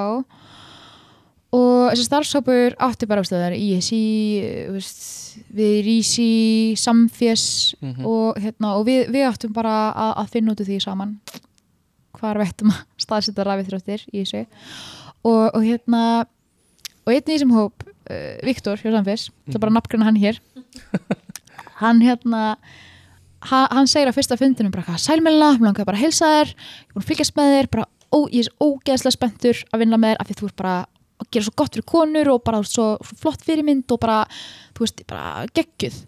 Og ég er bara eitthvað Hæ Viktor uh, Þú kendir mér íþróttir í grunnskóla. Þú myndir ekki muna það því ég mætt aldrei af því ég bara ég var heim í tölvunni sko, sorry. Og þú veist, hann bara, ha, veitu hvað meinar þau getur ekki verið? Og ég bara, jú jú, jú. Æjæjæj og þú veist, og hérna og við töluðum aðeins um þetta að því að þú veist eða þá við talaðum Óla um þetta en Viktor var alltaf með þetta hana á staðinu en hérna, en ég var að segja þú veist, ef það hefði verið uh, æfingaraðstæða fyrir mig þá af því það var það sem ég langaði að gera þú veist, mér fannst mér fannst pínlegt að fara í íþróttir en ég hefði kannski stundar meira eða verið partur af, þú veist, rafíþróttastarfi fyrir mig þá, þá þetta verið bara part mér hefði bara verið kent það um, að ég hafði engan áhuga á fótbolta sem er alltaf hrikalegt eða þú ert úr hafna fyrir því, að hafi ekki áhuga á fótbolta eða handbolta með FH og hauka og bara hú, Mhm. og allir í bekknum bara, þú veist, að stefna á landsliði sko náttúrulega framlenging á skólanum allir séu saman æfingu sko. Já, þú veist, ég er, ég er hafna fyrir því, ég var með Aronni Pálma skilur í árgangi og, og, og Björn Daniel í fótbolt, bara endalast eitthvað fótboltastjörðu, Sörubjörg náttúrulega líka. Og ég er þetta bara eitthvað um, ég er bara eitthvað veist, kannski geta alveg mætt ykkur í FIFA kannski eða eitthvað, veist. Þannig að það hvað er það sem fólk vil gera? Hvað er það að halda utanum? Hvernig mót er verið að halda hérna heima? Þú veist, er fólk að fara að spila úti frá mótum sem verið að halda hér hvað er svona að gerast í því öll saman? Sko þess að ég segi þá er eitthvað fókus á, á græsrútuna og, og það felur í sér kannski bara að leifa, leifa fólki að fá svona smá snefil af hinn og þessu. frá svona mismandi leikjum? Já, uh, þú veist eins og Minecraft sem er oft notað í kennslu fyrir þú veist grunnforritun. Uh, svo einmitt FIFA, fótbolta fótboltaleiki og hérna skotleiki svo Counter-Strike uh, Fortnite. Og, og það er kannski mikið Fortnite fyrir þú veist yngri kynslaðina því að, því það er svo gífulega vinsæl hjá ungum krökkum. Er þið þá að halda utanum mót þá í mismandi aldursflokkum eða hvernig? Uh, við höfum ekki verið að gera mikið fyrir uh, mjög unga krakka. Og það getur verið svolítið flókið sko með ungmennastarf mótahald og þannig. Að, því að kannski uh, þú veist með hefbundar íþróttir að það kannski getur bannað innan 13 ára þessu íþrótti eða þannig. Og það eru sko flestir leikir er svolítið með glöfur í þessu. Þú veist að það er hægt til dæmis í Counter-Strike sem er skotleikur. Það er hægt að stilla að það sjáist ekki blóð Mhm. eða þú veist, sjáist ekki veist, lenda á anstæðingnum það er hægt að gera allt þannig bara, og það er auðvitað bara eftirspurt sko, til framleiðandana Mm. um, en við svona við erum svona mest megnis með gra, græsrótastarfið ekki ala á svona mikla úst, keppni sinu Mm. það er kannski svona næsta steg fyrir ofan Einmitt. og við erum búin að vera sko starfandi það, e, það stutt í rauninni að, að það er ekki komnir krakkar af námskjöðunum okkar í, þú veist, úlingaflokk Já, hvenær máttu byrja að keppa í þessu? það er það er miðað við eh, við á Íslandi erum að miða svona 17, 18 en við erum líka kannski að byggja um þú veist, það er yngri bref frá foreldri Ok, ok uh, annar staðar í heiminum, þú veist, ég veit ég að þetta er þá er miða kannski við 16 ára og sérstaklega, þú veist, ef þú ert að tala um stærri mót og þú veist, komið verðluna fjö að þá er þetta líka farið að flækjast svolítið, Já. sko einmitt, einmitt Já, en þetta Einmitt. er svona eitthvað sem er í mikill í mótun Og hvað haldið að mörg mót fyrir fólk sem er svona aðeins eldra, þú veist, mm, hérna heima? Sko við í rafítróttasamtökunum við höfum verið að halda þetta um deildina sem er þá alltaf bara regluleg keppni sem að lið vinna sér inn uh, sæti í og keppnisrétt og svo erum við með alveg undir því, þú veist, hellingadildum, er, það er mistradeild, önnudeild, stríðadeild og Mm -hmm. Það hefur hverjum leik fyrir sig. uh, já, við, við tókum við tókum til að byrja með núna League of Legends inn uh, sem að er svona, svona að hefur aðeins verið orðið til hliðar. En, en, en Counter-Strike hefur alltaf verið mjög, mjög vinsæll sko. Þetta er svolítið áhugavert. Hvernig er valið í svona mót og keppnir? Bara er það það sem er mest spilað eða Já, velja töluleikina. Já, af því það er svo ótrúlega fjölbreytt úrval Mhm, og mhm. er það bara þessir vinsælsti sem eru alltaf keft í og, eða er það bara reynum við að dreifa þessu í líka þeir sem eru minna vinsæli sko sko Rísi er á þeim stað núna að vera svona reglíf sem að bara aðstofur heldur utanum Mhm. rafíþróttastarf og, og aðstöður einmitt, þú veist að við fáum að posta bara frá áhuga fólki, bara okkur langar að halda móti þessum leik, Mhm. hjálp.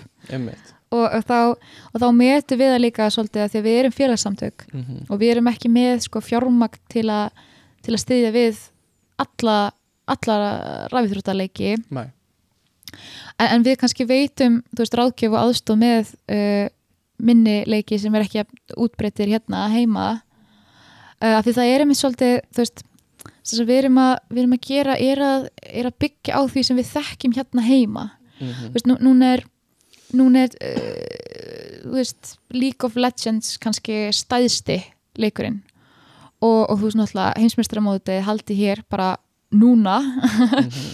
Í þessum telið orðum og hérna en á Íslandi, þú veist, er hann ekkert kannski endilega stæðsti leikurinn Nei, einmitt. hjá okkur veist, var, það var hvað heimsmessamöti núna, byrju hvað í laugatasöll, eða Eh, hvernig var það? já, já, það, það er það er sérst bara núna í, í gangi sko. og það er risastórt og ég held að fólk kannski átt sig ekki á Hvað því spannar það langan tíma fyrir okkur sem veit það ekki? uh, það er sko misjönd, ég held að verði þetta er ykkur að þrjár vikur sko. Já, þetta er þá óttúber 2001. Já, já, þetta er svona, þetta er, þetta er oktober núna sko, þetta er, þetta er rosa mikið af, af leikjum og, og, Mhm. og þegar þú komin á þetta steg líka þá er ekki nóg að spila bara eitt leik á móti liði, þú eru að taka kannski þrjá eða fimm. Mhm. svona eins og í playoffs bara Mhm. í mörgum íþróttum.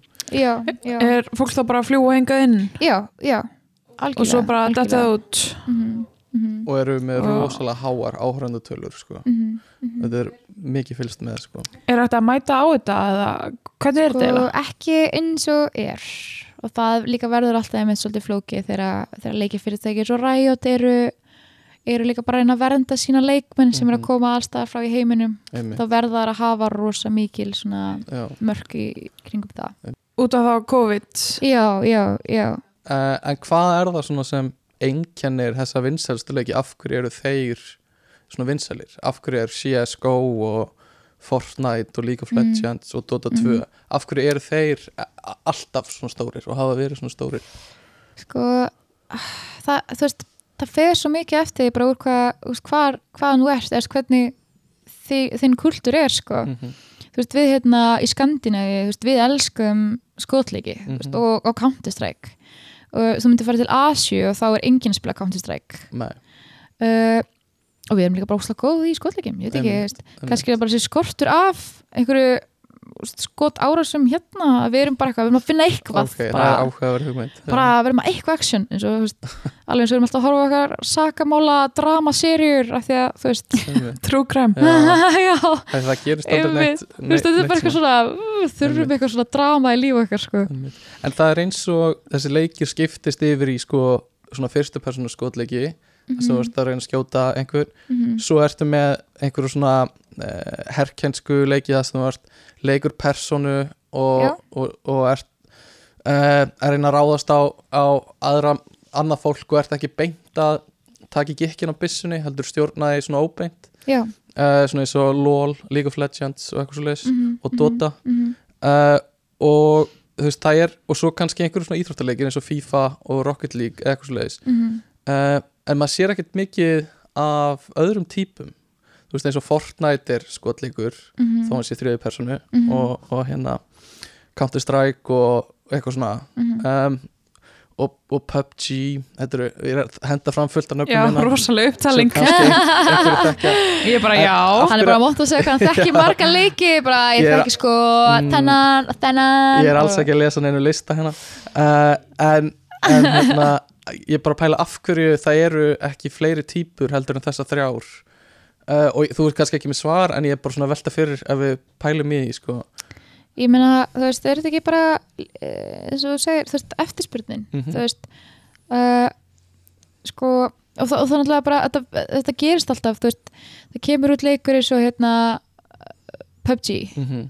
sem er þá bara í langan tíma leikur, það er ekki komið út leikur í langan tíma og Mhm. þú veist, bara til að tala um hvað Royale er það er svolítið svona gömlu myndirna líka Battle Royale Já, hvað, Squid Game mm. mm. Hunger Games Já, þetta er, er nákvæmlega það bara, bara veist, það er eitt sigurveri, eitt lið og, og, og þú ert bara að lifa af og drepa ofinina og þú veist, svo ert þú bara eina lið Já. til að vinna sem er eftir og ég meina PUBG kemur út og það, veist, þessi leikur bara sprengir mm -hmm. uh, allt og hérna og þá kom bara fleiri fyrirtæki þú veist, Apex kemur út, Mhm. líka Battle Royale leikur uh, öll fyrirtæki gefa út. fyrirtækin. Mm og meira segja sko þetta var það mikið æði að Fortnite, þú veist, Fortnite átt aldrei að vera Battle Royale leikur Nei, ok. Þetta átt að vera sko uh, þau gáðu sérst út leikinn sem þú ættir að byggja þér hús og Mhm. lifa af árás uppvakninga. Einmitt. áhugavert. Uh, og þú ættir bara, þetta var bara svona kannski leik, leikur svo gæst spila með viniðinum mm -hmm. en, en þú ættir bara að vera í þessu. Þessun er þetta að byggja í Fortnite. Þú ættir að sapna við, byggja hús Mhm. byggja hérna steipuhús þegar varst orðin betri, búin að finna steina eða eitthvað. Og þessi leikur gengur ekki neitt. Og framleiðendinir eru bara oh, hvað er að gera, ef við ekki bara að, að því við eigum við eigum öll 3D módulin, við eigum úst, heiminn, Mhm. Fortnite heiminn ef við ekki bara fá forrætturna til að setja þetta saman í, þú veist, leikjavel í Battle Royale, bara svona til sem auglýsingastönd Já. og hvað gerist? Bara vinsalasti Battle Royale leikurinn bara á yngum tíma og þeir eru bara, wow Mm og hvernig gerist þetta? Þeir, þeir hafa sagt sjálfur bara við ekki hvernig þetta gerðist, við bara Mhm. donguðum í alvörun, þetta var algjör hefni við vorum bara farnar undirbúa já. og, og þá gerist þetta við bara hittum akkurat á rétta æðið sko. En af hverju er Minecraft á svona vinsælt? Að því mér fannst þú vera svona sem ég að lýsa Ég- þú veist, Minecraft? Já, ég meina, þú veist, það, er, eru margir sem spila Fortnite sem að spila líka Minecraft Já, en, en, en Fortnite er uh, er líka, þú veist, keppni af því þú ert einmitt svo eini sem að stendur eftir og þú ert að keppa við aðra menn að Minecraft býður upp á svo ótrúlega margt það er er sköpunar gáfa Já. það er algjörlega að njóta sín í. Minecraft sko. Uh, ok, En fyrir ykkur sem er að hlusta og er að pæla í Fortnite dönsum hvað kemur það inn í leikin? ha? Er ekki Fortnite Sko, dansar? Jú, Kristján, ekki til að vera leiðileg en það er kannski tvö ár síðan að fólk var eitthvað að velta því fyrir sér sko. þetta er ótrúlega þetta er ótrúlega spurning. Uh, Mér finnst þú ekki Það er allir að pæla í þessu. Er að sko, hlusta. bara öldri frænka mín kann að gera Fortnite dansuna Úff, og veit, og veit þetta. Ég er ekki með þetta sko. Nei, uh, ok, ég sé það sko, sorry. Hvaðan koma það allir þessi dansar? Eða þú veist, þeir eru búin að dreipa allir uppvagnina færðu þá að dansa það? Já, nei, sko, þegar þú vinnur alla hérna leikmennina sko, Mhm. Þá að því Fortnite pivotaði frá uppvakningapælingunni ah. Ég já, vil dansa. já, og e, já, bara einmitt. Svolítið svo hérna uh, thriller bara þannig e, e, e, þetta er sko um, það er svolítið hægt að koma með eitthvað svona mega dansmove uh, það er ofta skert bara til að svona ég veit ekki hvernig ég lýsi þessu þetta er svolítið þessu svona eitthvað svona stuðningsmanna svona tjant á fótboltaleikjum þú veist þú skorar og þá gerir eitthvað svona ú, þú veist, mm Mhm. -hmm. þú sé þess að það er eitthvað að renna sér á hnén og mm Mhm. lyftir tregin og er bara eitthvað "Búa, sjáðu sér spakja þetta er svolítið það sko mm -hmm. Þú ert svolítið að sína hinum að þú sért best sko. Mhm. Þetta er mjög gott upp að fólk kreyfi sig með töluleikunum ha? já, Já, uh, já, bara góð pæling Smá Góð svona pæling. TikTok-stemning jú, jú, jú. ok, smá svona uh, kannski heimsbyggileg spurning eða svona, já, af hverju heldur að tölvuleiki séu svona vinsalir og að rafíþróttin séu að vaksa svona rætt Um, er það þetta að þú getur tengst við einhvern veginn annan heim leikið aðra persónu þú ert sjálf er það uh, Meiri keppnis- tækni? já, keppnisskapið um, uh, ég held að það sé bara allt sem þú sagði sko. Mm uh, líka bara því að þú veist okkar kynslu núna býr við þau forréttindi að við þurfum ekki að vera í, að, í harki þú veist, á, vin, í, á í vinnu hérna, á vinnumarkanum og, og við getum aðeins bara svona leift okkur uh, að spá í afþreyingu, mm veist, Mhm. afþreyingu er bara eitthvað sem að veist, afi minn veit ekki hvað er. Veist, hann var bara hann var bara, ég var hérna yngstur af nýju sískinum, ég þurfti bara að sjá um Mhm. kindurnar og þú veist. Og ég meina, og hann sagði við mig bara orðin áttræði bara, mér langaði alltaf að vera listmálari. En ég bara gata aldrei, einmitt. Þú veist, það var aldrei pláss í hans lífi fyrir áhugamál. Mhm. og meðan ég bara eitthvað ég er með áskrift að Disney Plus, Netflix ég veist, hérna, ég get spilað töluleiki get hort á Mhm. bíómyndir. Bara, þú veist, afþreying og skemmtana yðnaðurinn er svo algjörlega. vaksandi af því að við höfum þennan tíma til að leifa okkur það. Uh, en uh, eins og uh, ok, við þurfum eiginlega að tala um eitt uh, tölvuleiki fík Já. er þú hefur orðið mikið vitnið að þessu eða hefur upplifað þetta mikið í kringu þig uh, er þetta vandamál? uh, Já, klálega sko er þetta uh, eitthvað sem kemur inn í ykkar senur af íþróttina sjálfar? Já, já, já, já, algjörlega, algjörlega um, af því að það er náttúrulega líka bara, sko þú veist, að þú situr lengi við skjá og þú ert að spila eitthvað leik sem er, þú veist rosalega áhugaverður að þá er rosalega auðvelt að, að gleyma sér Mhm. í því. Mm -hmm. og ég meina, þú veist, ég veit alveg, veist, ég sit við tölvu lengi, ég finn ekkert fyrir þreytu, bara finn ég stend kannski upp og finn mér vasklas, einmitt, mjög mikilvægt að drekka skilur vatn, og maður er bara wow, veist, hvað er klukkust er ég búin að vera hérna í fjóra tíma, eitthvað, veist, maður, það er mjög auðvelt að gleyma sér í alls konar heimum og leikjum. Mm -hmm. þannig að veist, þess ennþá frekar mikilvægt að, að vera með þessa fræðslu sko. Og ég meina ég held að uh, ég held að sé líka bara þetta er einhvern veginn líka uh, líka það að hérna maður fæs svolítið í mörgum leik sem er leiki bara bjóð upp á og fá svolítið að ráða því líka hver þú ert Mhm. og, og kannski hérna og kannski líka bara gott að vera meðvitið um það þú veist, hvaða manneskjur líka sína á netinu sko, í, í tölvuleikjum Mm. uh, ég meina þú veist ég, ég er kannski að spila þú veist á móti einhverjum, einhverjum strák sem er eitthvað að drulliða mig fyrir að vera kona og vera léleg og segja bara að fara aftur í eldhúsi þú veist Mhm. og, og, þú veist, og, ég, og ég hugsa ekkert já, hann meinar þetta ég hugsa oft bara eitthvað hvað er í gangi hjá honum, þú veist, Já. að tala svona þú veist, að því að veist, hann, er hann kannski að leita eftir bara einhverju, Mhm. einhverjum samskiptum við fólk, þú veist, að því að hann veit að hann fær eitthvað veist, frá mér Mhm. í staðin, þú veist, ég gef Viðbrögð. eitthvað á móti og, og, og, hérna, og mikilvægt að átta sig á því líka bara að, að alveg eins og þú getur rekist á hvert sem er nýr í bæ, þú veist, sem er ekki endilega á góðum stæði lífinu, þá gerist það líka bara í, í tölvuleikjum, sko Mhm. einmitt og ég meina uh, þetta er líka þetta er náttúrulega líka þú veist ákveð tóla, þegar ég get sagt að þú veist, ég er skilnaðabann og, og ég meina, þú veist það var rosalega uh, þægilegt og mér finnst mér langaði rosalega mikið bara að vera í tölvunni því ég var yngri. Einmitt, þetta er, þetta er svona escape þetta er, mm þetta er flótti Mhm. hægt að nota þetta sem flóttatækni Já, já, þú veist, algjörlega, algjörlega sko og líka bara þú veist, mér fannst þetta bara sjúklega áhugavert sko. Og hérna, og þú veist, ég átti rosalega ég átti rosalega erfitt stundum með að setja kyrr ég var svona alltaf geðið mikil æsingur í mér og veist, veist, kennarætni mínu voru alltaf bara með verður bara róleg þú veist, fólk, þú veist, hinn í krakkarnir er ekki öll með að læra þú, þú veist, þú verður bara þú getur ekki lappa á mitt allra að vera að tala alla og þá, veist, var ég og slóft sett bara niður, bara svona, sestu bara hér og takk þessu festringu Mhm. og þá bara þægði ég og var bara að innbytta mér að einhverju, sko. Uh, en eins og þú talar um sko, þú ert í samskiptu við fólk í gegnum uh, netið í þessu. Uh, Mhm. og fólk er ofta að kynnast bara mjög góðum vinu sínum í gegnum uh, tölvuleiki á netinu. Hvernig virkar það oft þú veist, ertu, spilaru leik með einhverju sem þú þekkir ekki og sendur eins og skilaboð eða Já, þú veist, það getur, það getur alveg gerst sko og þú Mm. veist, ég meina sko ég spila mest leiki sem eru kannski þú spilar 40 mínútur eh, þú veist, keppnisleik mm einmitt. og svo er hann bara búinn með, með einhverju liði. Eh, en svo eru þú veist aðrir sem ég þekki sem hafa kannski verið að spila World of Warcraft sem er náttúrulega bara risastór heimur og þú fara að vera eitthvað tröll eða galdarkall eða hvað sem er. Og hérna og kærasti minn uh, ég hef stundum bentur á þetta en finnst það áhugavert því Mhm. hann er er framkvæmtastjóri hjá Myrkur Games Einmitt. leikjafyrirtæki íslensku leikjafyrirtæki og, og hann talar um bara, veist, minna, ég spilaði svo mikið World of Warcraft Mhm.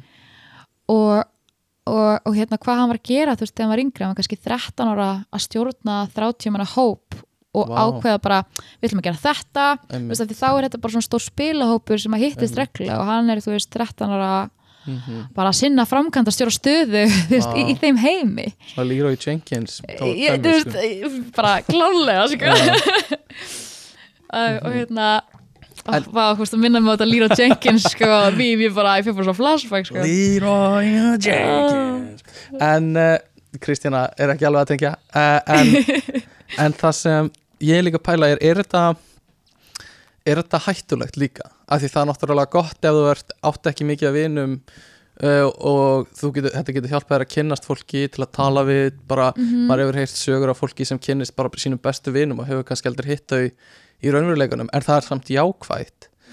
En er slæmt þegar fólk er farið að líta kannski þetta sem meiri alvöru heiminn hjá þeim, þú veist, þarna er lífið fólk þeirra. einangra sig og frekar fara að lifa þarna heldur en í heimurinn sem við það- lifum í. Já, þarna er alvöru lífið þeirra. Að því, ok, sko ég var byrjað að spila ég hef ekki spilað töluleiki svolítið tíma, bara út af námi og ég hef ekki haft tímið en ég spilaði sísta helgi svolítið töluleiki og ég spilaði eh, nýjasta Assassin's Creed leikin og hann er rosalega uh, detailed og stór og rosalega stór heimur og maður kemst, getur sokkið sko vel inn í hann. Og hann er single player, ég spila eiginlega bara single player leiki. Um, en ég hugsaði bara uh, ef ég væri á kannski tölvört verri stað eða eitthvað, þá gæti ég vel ímyndið mér að þannig finnst mér betra að búa heldur en í alvöru heiminum. Uh, en að því þetta var bara svo nákvæmt og svo eh, sko, líkt raunveruleikunum að miklu leiti en samt þú veist ef ég var á slæmum stað þá væri þetta bara betra. Og uh, alveg eitthvað sem ég get séð að sé hættulegt fyrir mig skilur eða einhvern eins og mig ef ég væri já, þú veist, í öðru ástandi sko. Um, og þetta er kannski ekki beint tengt rafíðsrótum heldur bara tölvuleikjum almennt sko. Já, eða, ég meina þetta er samt líka bara stór partur af fræðslinni sko, Mhm. og bara akkurat, akkurat þetta. Uh, og þú veist, og ég hugsa alltaf sko, þú veist, jú, eins og, eins og þú segir þú veist, ef þú værir á slæmum stað þá Mhm. væri þetta rosalega góður veruleikaflótti. Algjörlega, en, en þú veist, en veist, er vandamálið veist, mér finnst vandamálirinn ekki vera veist, leikurinn af því að hann er of aðlaðandi eða eitthvað þannig veist, það, er, það er þá uh, veist, hugafarið þitt eða þú veist, Mhm. þinn, hvar þú ert á hvað stað þú ert í lífinu og, og þetta er bara eitthvað líka sem að þarf mikinn stuðning fyrir, veist, Mhm. og ég hef alltaf verið mikill talsmaður þess að geðhjálp uh, Mhm. fái bara meiri styrki í, öll, veist, í öllum heiminum sko. og hérna, og líka þetta sé rannsaka þannig að fólk veitir hvernig þetta virkar já, já, algjörlega algjörlega, sko en kannski aftur að fíkninni um hvernig er það fólk, er kannski háð einhverju þá Mhm. vinnur það að því að gera það ekki í lífinu en hvernig er það Mhm. með tölvuleikja fíkn Mhm. hafa einhverju svona spilar árið háður þessu sem gera verkum kannski að þeir get ekki spila lengur er það eitthvað? Uh, já, það er alveg, veist, fólk setur sér alveg mörg sko, því að við erum við erum misjöfn eins og við erum mörg og, og sumir finna bara hjá sér þú veist, ég er veist, veik fyrir því a, að spila veist, ég finn bara að ég þarf að sleppa því Mhm. uh, Er það mismunandi leikjum með það? Já, þú veist að einmitt bara fyrir eftir hverjum og einum sko. Mhm. Þú veist, ég myndi ekki segja að það væri einhver eitt leikur sem er frekar eins og fíkneldur Nei, en einhver annar Gætir verið háður leik en samt spila annan? Þú veist, ég er að pæla svoleiðis. mm, Já, það, þú veist, það gæti alveg verið sko, eins og ég segi, þú veist, það er bara alveg misjamt sko. um, Þú veist, ég myndi segja að, að, að það sé líka bara mjög holdt að setja sér mörk í svona og veist, það er náttúrulega bara það sem við erum að gera líka og breytika, þú veist að þú ætlar, og þú veist, ég get sagt það veist, að enginn sem er atvinnumadur er tölvuleikja fíkill af því það fer ekki saman að, að vera ekki þar á veist, að vera á þeim andlega stað sem þú þarft til að fara í atvinnumennsku og sinna þessu á, veist, á sem bestan hátt. Uh, en uh, sko rafíþróttirnar s- sko, sem keppnisgrein er, er getur séð fyrir þér í framtíðinni einhvers konar olimpíuleika eða einhver svona held svona stærra mót sem held bara utanum alveg svo olimpíuleikanir eiga að halda utanum svona algengustu Mhm. íþróttir í heiminum eða eitthvað svoleiðis -hmm. að, þarna væri komið saman einhver svona stærra samfélag uh, og fólk er að senda eða li, la, lönd er að senda landslið og eitthvað svo leiðis uh, heldur að það muni gerast eða heldur að þessi jákvætt að það muni gerast? Já, þú veist, ég held að það sé bara alveg, alveg bara það eina sem að make a sense sko, Mhm. að, að það gerist. Og þú veist, það er svona smá saman verið að taka í sátt og, og þú veist, og, og setja inn í olimpíuleikana uh, þú veist, svona virtual reality. Einmitt, einmitt. Uh, þú veist, þá ertu með, þú veist, virtual reality kapastur eða skýði eða eitthvað þannig. Og ég held líka bara COVID hafi svolítið ítt því aðeins hraðar áfram. Um, við erum með hérna VR líka golfherma Já. á Íslandi. Einmitt.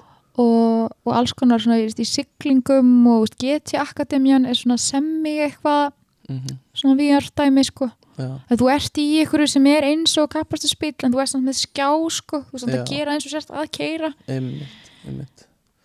Það er, já, það er mjög áhugavert og það Mhm. svona svona tækni, hvert getur tækni þróunin nýtt okkur? Uh, eins og virtual reality síndaveruleiki er Mhm, eitthvað sem hefur verið mikið talað um síðustu 5-10 ár Já. og það spurning hverju það breytir í alvörunni sko, Mhm. hversu svona gott það verður í alvörunni af því það eru mhm, nokkrar hindranir sem er bara ekkert hægt að komast yfir. Uh, finnst manni eins og bara tilfinningin á að finna fyrir hröðun og, mhm, og alls konar svona uh, snerti hérna uh, feedback og eitthvað svona sem, sem að sér ekki alveg lausn á. En það er samt áhugavert að sjá hvert það ítir eins og rafíþróttunum hvort það komi Mhm. meira inn þar að spila í síndaveruleika mhm. um, og á hvað hátt það væri gert þú veist það væri hægt að spila tölvuleik með síndaveruleika glerugu Mhm. uh, en síndaveruleikin er bara að sína þig fyrir framann skrippborð í tölvunni skilur þannig að allir fái bara svipa starfsumhverfi að þú þarft að spila Mhm. heima hjá þér eitthvað svo leiðis Mhm. að hafa VR til að koma þér inn í móts umhverfi eða eitthvað svo leiðis þú veist það er hægt að Mhm. hugsa alls konar svona leiðir hvert þetta fer með okkur sko um, já, algjörlega en hérna uh, finnst þér eitthvað við rafíþróttina sem eru kannski svona skrefi ofar heldur en þessar hefðbundinu íþróttir þú veist? Uh, að mörguleiti mm, ekki öllu leiti en þú veist ég sko ég get alltaf tekið uh, eitt dæmi sem að strákur sér þekki sagði mér, eh, talaði mikið um. og hann hefur er sem sagt hættur núna að keppa í rafíþróttum. Ok, en hann er einn af okkar svona fyrstu rafíþróttamönnum sem við vissum aldrei við ættum. Einmitt. Hérna mik mikið breyttið því en hann sem sagt hann uh, spila alltaf undir nafninu Kaldi mm og sp- hérna og sérst æfiði skák í mörg ár. Bara framúrskarandi skákmaður elskaði skák. Mjög góður skák og hérna, hérna spila, hann skák já, Ah, ok. já, já, já, ok, alveg ok. og hann sem sagt uh, og hann segir bara við mig, þú veist, ég var fann að finna fyrir að mér litist skák, þú veist, hvað er skák? skák er alltaf sami leikurinn einmitt og eins og þú veist að tala um áðan þú veist, Mhm. ég, hérna, veit ekki hvort það var hérna fyrir podcastið eða í því en, en, en þú veist, skák bara er alltaf sami leikurinn og á, á vissum tímapunkti þá snýst þetta bara um þú veist, að gera alltaf rétta leikin með við hvað anstæðingurinn gerir og svo bara er einhver annað tölfræði sem að veldur því að annar vinnur. Og, og þú veist, gerfigrind er svo farin að sigra þig í skák og þú ert bara eitthvað ok, uh, og hann sér sagt og hann uppgötar uh, leikin Hearthstone. Já, einmitt. Sem að fyrir það sem ekki vita er uh, spilaleikur þar sem að þú ert með stokk að spilum sem er alls konar uh, uh, fígurúr fígurur, mm Mhm. galdrakallar eða skrýmsli eða eitthvað hannig og þau eru öll með einhverju sína eigin eiginleika svolítið bara eins og þú veist að biskup getur bara farið á ská og rittari þú veist, tvo og svo til Mhm. hliðar þetta er bara svona þannig sko mm og, og hann, og og hann þetta er í tölv þetta er semst í, já, þetta er í tölvu, Tölvu. Þetta er í tölvu. en þú ert með spilastokk í tölvu já, já. og hann sem sagt segir bara, hann horfur hann að leik og hann bara, dem, ég get orðið óslega góður í þessum Mhm. og, og ástæð fyrir okkur hann hugsa það er að hann segir, þú veist, á meðan að aðri leikmenni í þessum leik þurft að byggja upp grunninn sem ég hafði úr skák þá var ég búin að búa hann til, mm Mhm. að þetta er bara fyrir mér sama, einmitt sama hérna, hugafar Já.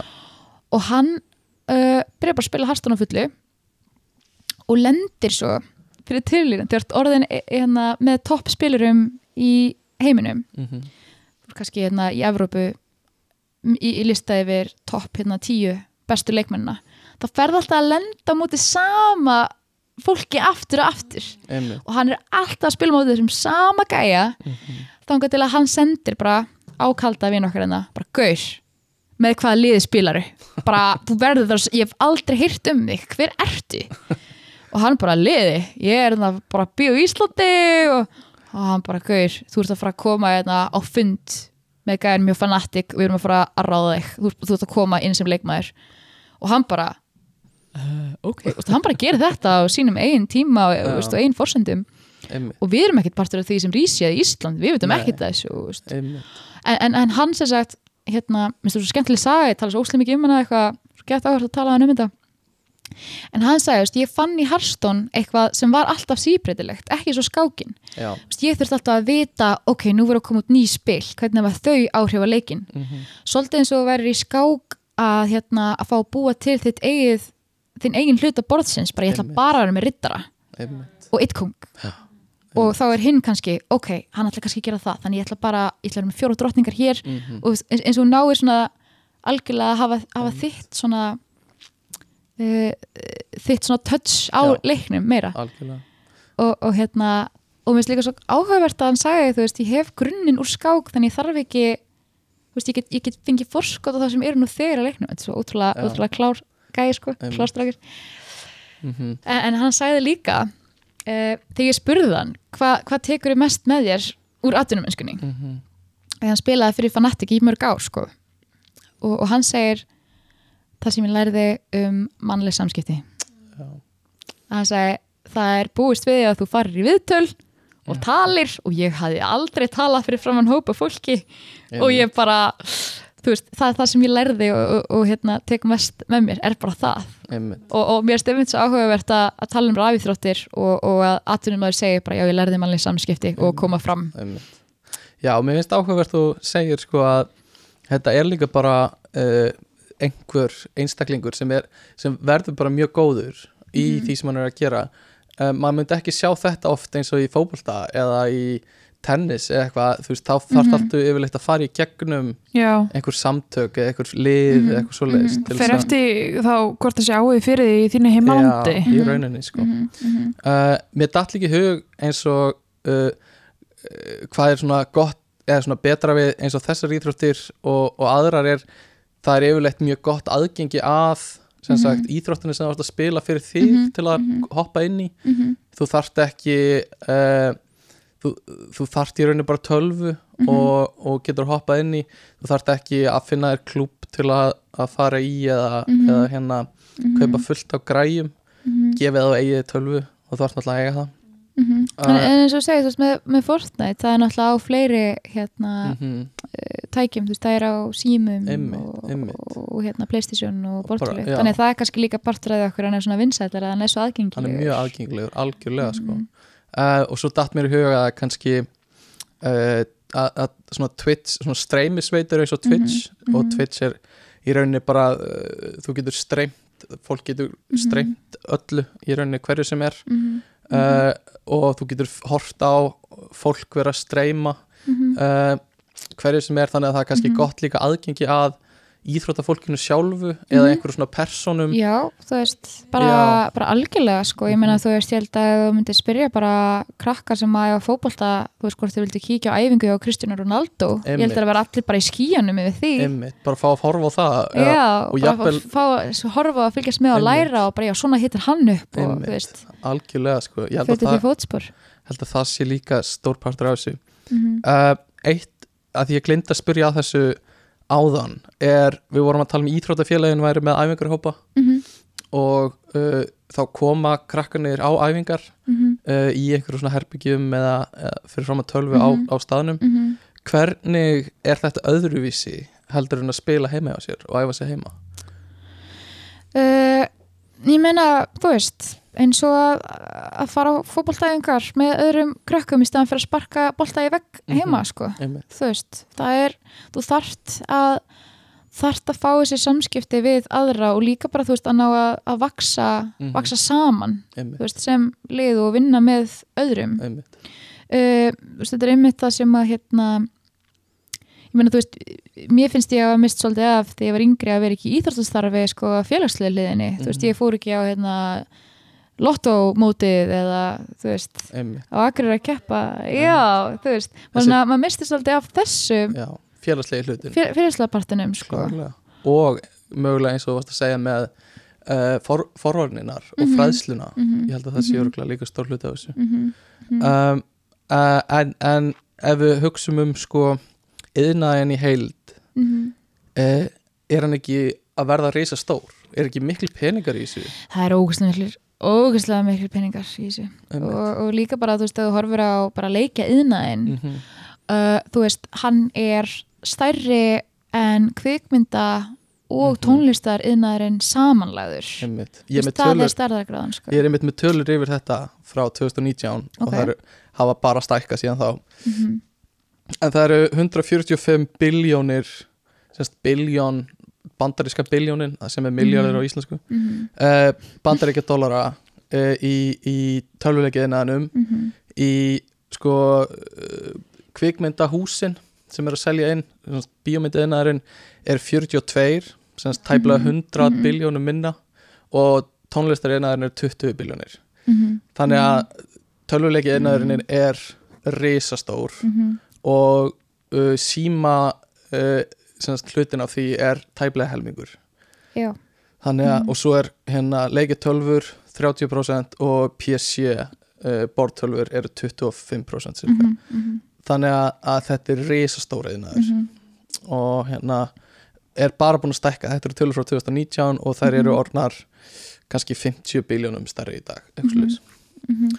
uh, en er þetta að koma, er þessi peningur að flæða inn í rafíþrótta senna líka uh, aftur, mjög misjönd eftir hvar þú ert í heiminum. Uh, þú veist, það er kannski ekkit einhverju peningar að koma inn í rafþjóttasirina hér fyrir hérna svartur að leika eða eitthvað svoleiðis eða þú veist, það þannig að eða þú veist, þú er svona skemmtana yðnaðinum en, en þú veist, það er samt alveg verið að tala um það, þú veist, hvaða tækifæri er að verða til fyrir uh, aðrar, þú veist, bara alls konar stjættir mm -hmm.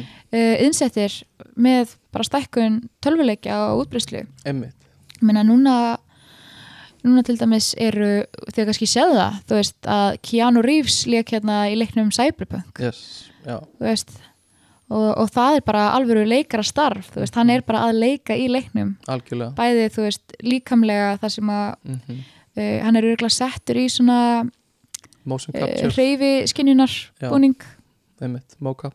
Reyna að viðhalda íslenskunni það er rétt En hjá þér, þegar maður er, alltaf, er alltaf í einhverjum svona tölvuleikja lingo orðum og miklu betur en ég sko. En hérna hann er mitt já, settur í þannig galla og Mhm. þú veist, það er tekið upp allar hans reyfingar og svo talar hann líka og hann er með myndaölu Mhm. andlitinu sem hann nefnir þær reyfingar þannig að hann er bara að leika í leiknum algjörlega. Og þú ert kannski með, þetta er kannski leikur á við ég veit ekki, þú veist tíu bíómyndir eða eitthvað eða allavega texti Já, sem hann já. talar ég meina hún hérna uh, Hildur Óskarsvölinu hafinn okkar hérna fyrir tónlistina í mm Mhm. jókutnum uh, hún segir bara þú veist, ég fekk tilbúið um að uh, búa til bara tónlist fyrir kvikmyndir mm -hmm. en ekkert bara var samanbyrðar hæft við það sem ég fekk einmitt, þegar komaði að gera tónlist fyrir Battlefield leik. Einmitt. Vist, hún er bara upphæðina sem eru þar mm Mhm. þar eru bara ekki sambærilega sko. Einmitt. og maður er kannski að pæla hvaðan er þessi peningur að koma? Um, það er náttúrulega öruglega mikið af uh, bara seldum leikjum, tölvuleikjunum. Já. Um, og í rafíþróttunum er það sannlega auglýsingatekjur. Mm og kannski er einhver fyrirtæki að styrkja mót. -hmm. Bara til að fá leikinn sinn á framfæri Mhm, og, og mhm.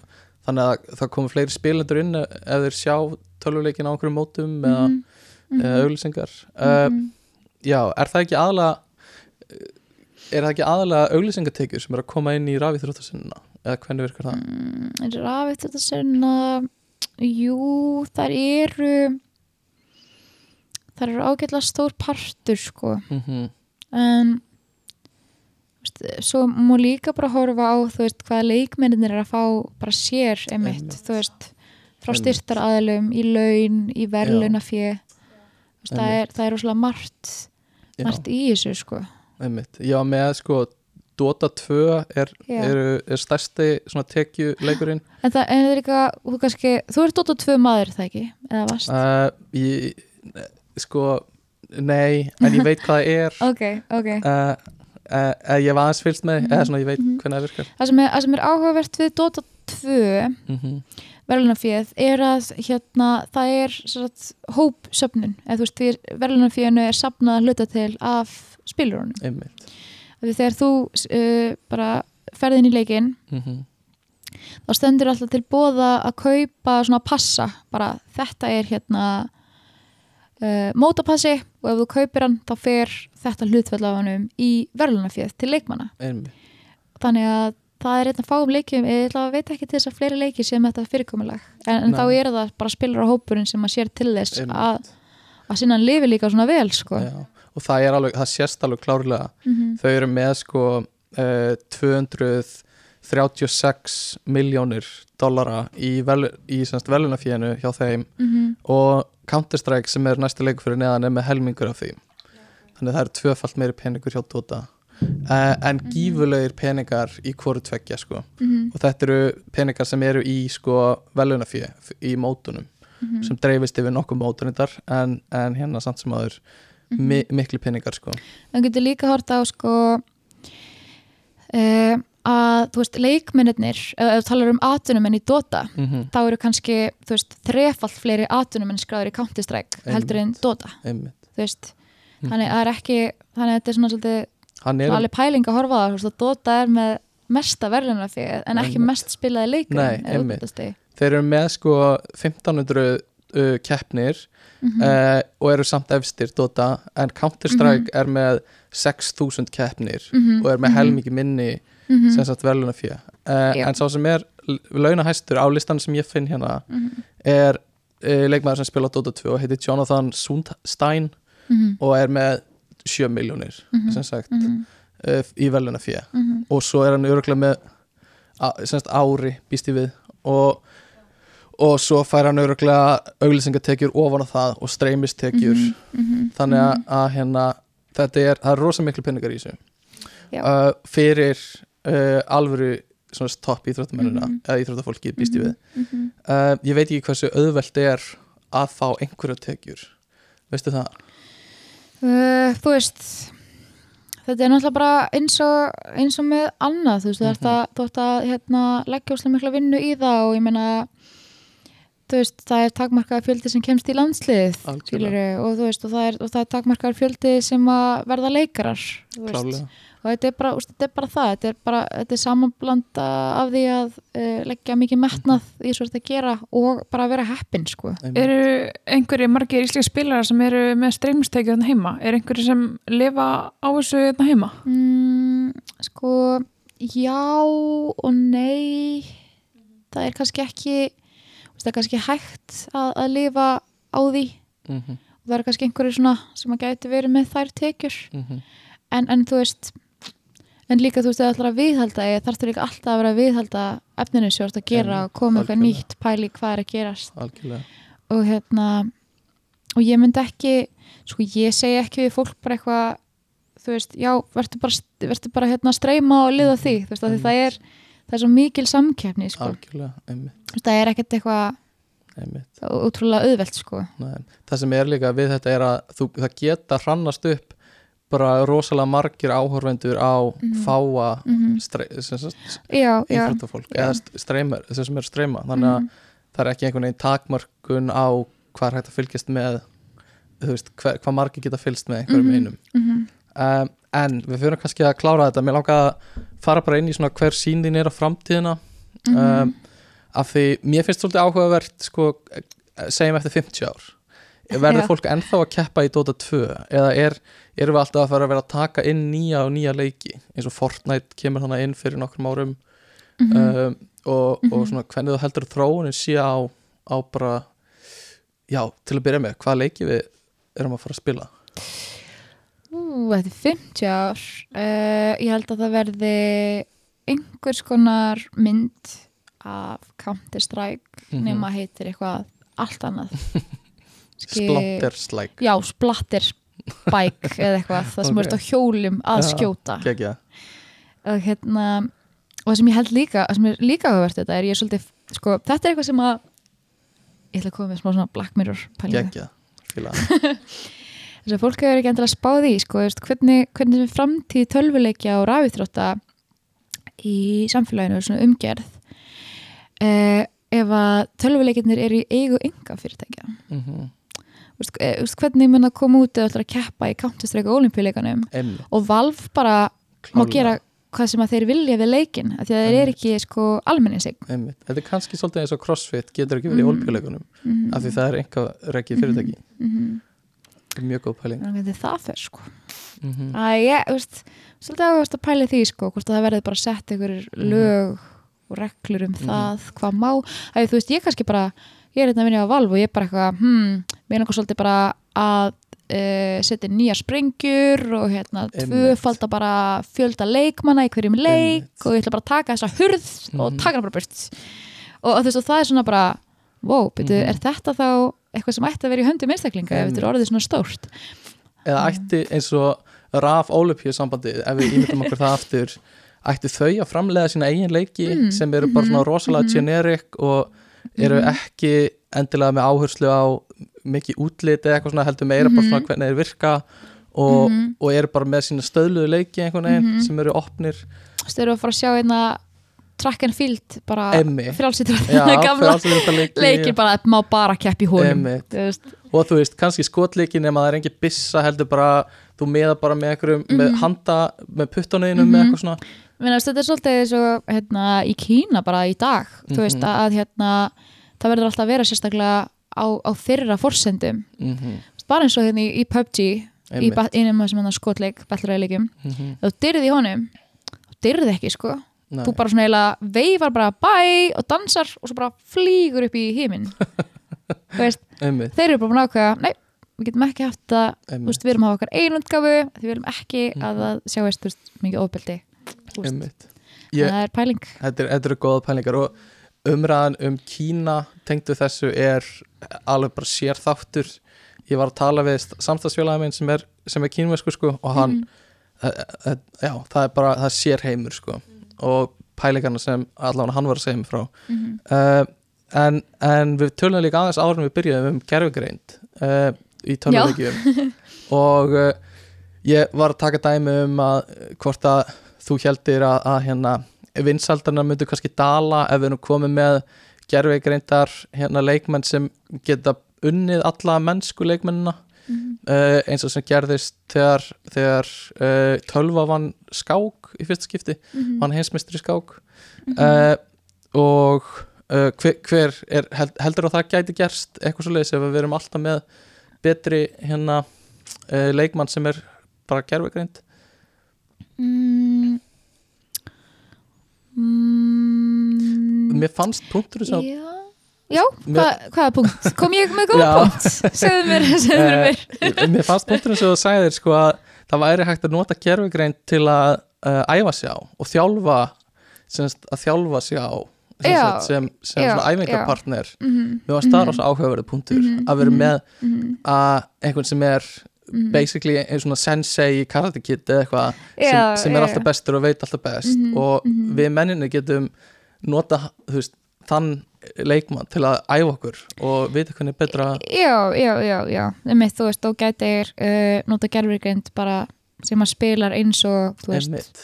hágæða atvinnulið, þú veist, já. Og jafnvel bara einhver ákveðin leikmaður bara, bara John Smith frá, frá New York sem ég veit að ég er að fara að keppa móti í næsta gerfugrindin já. er búin að bara greina hans leikin nákvæmlega einmitt, og einmitt spilar akkurat eins og hann mm -hmm, sem er mjög áhugavert líka það getur verið mhm. eitthvað sem kemur inn í framtíðina sko.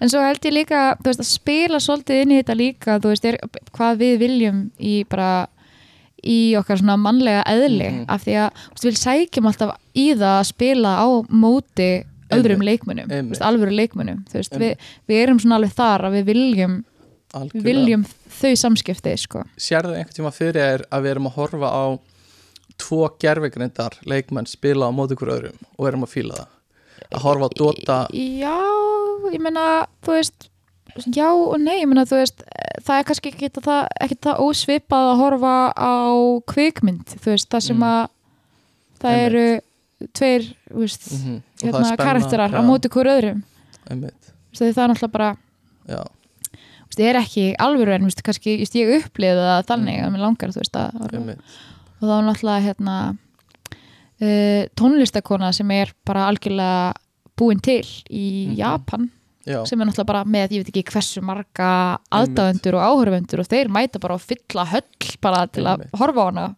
performa, algjörlega, koma fram. Algjörlega. Og við töluðum svona um VR áðan ég veit ekki hvað ég maður fara mikið í það en, en ég, ég held að það sé rosa áhugaverður uh, svona vettvangur hvort, hvort að taki á loft sko uh, og á hvað leiti. Mm uh, en það er kannski, kannski svona eina sem ég vil tala meira um er konur já, ég er svona uh, já, því ég er bara svo ótrúlega það er búið svo mikið hérna undafarið að þessi búið verið að hafa samband við mig sko, af, af hérna öðrum stelpum og, mhm, og ég er svo ánæg og ég er svo líka svona pyrruð, ég er mest ánæg sko. þetta er partur af þessu ég er ekki pyrruð að heyra í þeim sko. það er bara það sem vandamólin svona eru leðilega að heyra um, af því að veist, ég, ég svona, ég vonaðast alltaf svo mikið til þess að það myndi fleiri stelpur og konur koma, koma fram í sviðsljósið og, og, og bara opinbyrja sig sem hérna konur sem hafa áhuga á tölvuleikjum og rafíþróttum Mhm. sem er að gerast. Og það er náttúrulega bara veist, partur af því er að, að, veist, að það er fáru svo mikla aðtigli og ég það hafa nokkra svona uh, leita til mín að ég líka bara veist, bauðum að gera ef það væri eitthvað. Og hérna og um bara talað um, þú veist núna vilja bara allir taka viðtal við mig, þá vilja allir að ég þjálfi liðin þeirra í íþróttadeildum af því það er allir að leita að, að konum. Þetta er svona, þetta er svona, svona manhunting eða svona women hunting veist, og, og ég er mitt og, og mér langar bara svona aðeins að kannski veist, að koma því að þú veist að, að þið sem eru að, að reyna að fá konur og stelpur til að spila og vinna með ykkur og, þannig að, hérna, að sjá til þess að sko að, umhverfið sem þið eru að bjóða þeim upp á sé gott og það er vilji halda áfram og sé, þú veist að þeim, að þið líður svo séu velkamnar og eigi, eigi stað þar líka. Uh, af því að þú veist, það er kannski alveg það er kannski alveg hægt að fá stelpur til að byrja en þú veist, að halda þeim er svona það sem er trikki við þetta sko. Mm. það sem við þurfum aðeins að, að hérna, vinna betur í og, og það er náttúrulega sem að veist, hérna, rafíþróttir og, og, og tölvuleikjaðinarinn íslenski er að vinna saman í. Er að taka bara niður þessar hluti sem að þurfa að breytast og, og breyta þeim og bara gefa frá okkur saman í saminningu bara, bara stefnu. Bara svona er þetta. Og þetta er, veist, og að því að við erum náttúrulega líka bara að setja pressu á okkur með því að koma með sem við viljum standa við sko. Já, þið náttúrulega gafum út sáttmála um daginn. uh, já, já, skrifum svona undir, undir sáttmálan og, og höfum verið í svona samninga eða svona algjörlega stefnum mótunni eftir það Það var akkurat Rísi og Game Makers og, já, og, og, og ekki og hérna, já, og rísi, já, og var það að gefa út hvernig þið tækli veist, alls konar hluti já. innan bara tölvuleika geirans og rafíþróttir og, og líka fólk sem er að búa til? Já. þannig að það sé bara ákveði verklag Já, einmitt, einmitt, af því að þú veist, sko, mann er langar alltaf að hugsa, þú veist, að ég þarf ekki að segja þetta, þetta er bara hvað sem fólk veit, en það bara er ekki alltaf þannig. og svo kannski bara, þú veist gleymum maður því aðeins eða, eða hérna er eitthvað auðvitað við sig og, og, og á að vita betur og, líka bara, þú veist náttúrulega það stendur hjá hérna, félagi eða fyrirtæki bara svona tökum við á hlutum og þetta er það sem við erum að bjóða þér upp á að þér líði vel.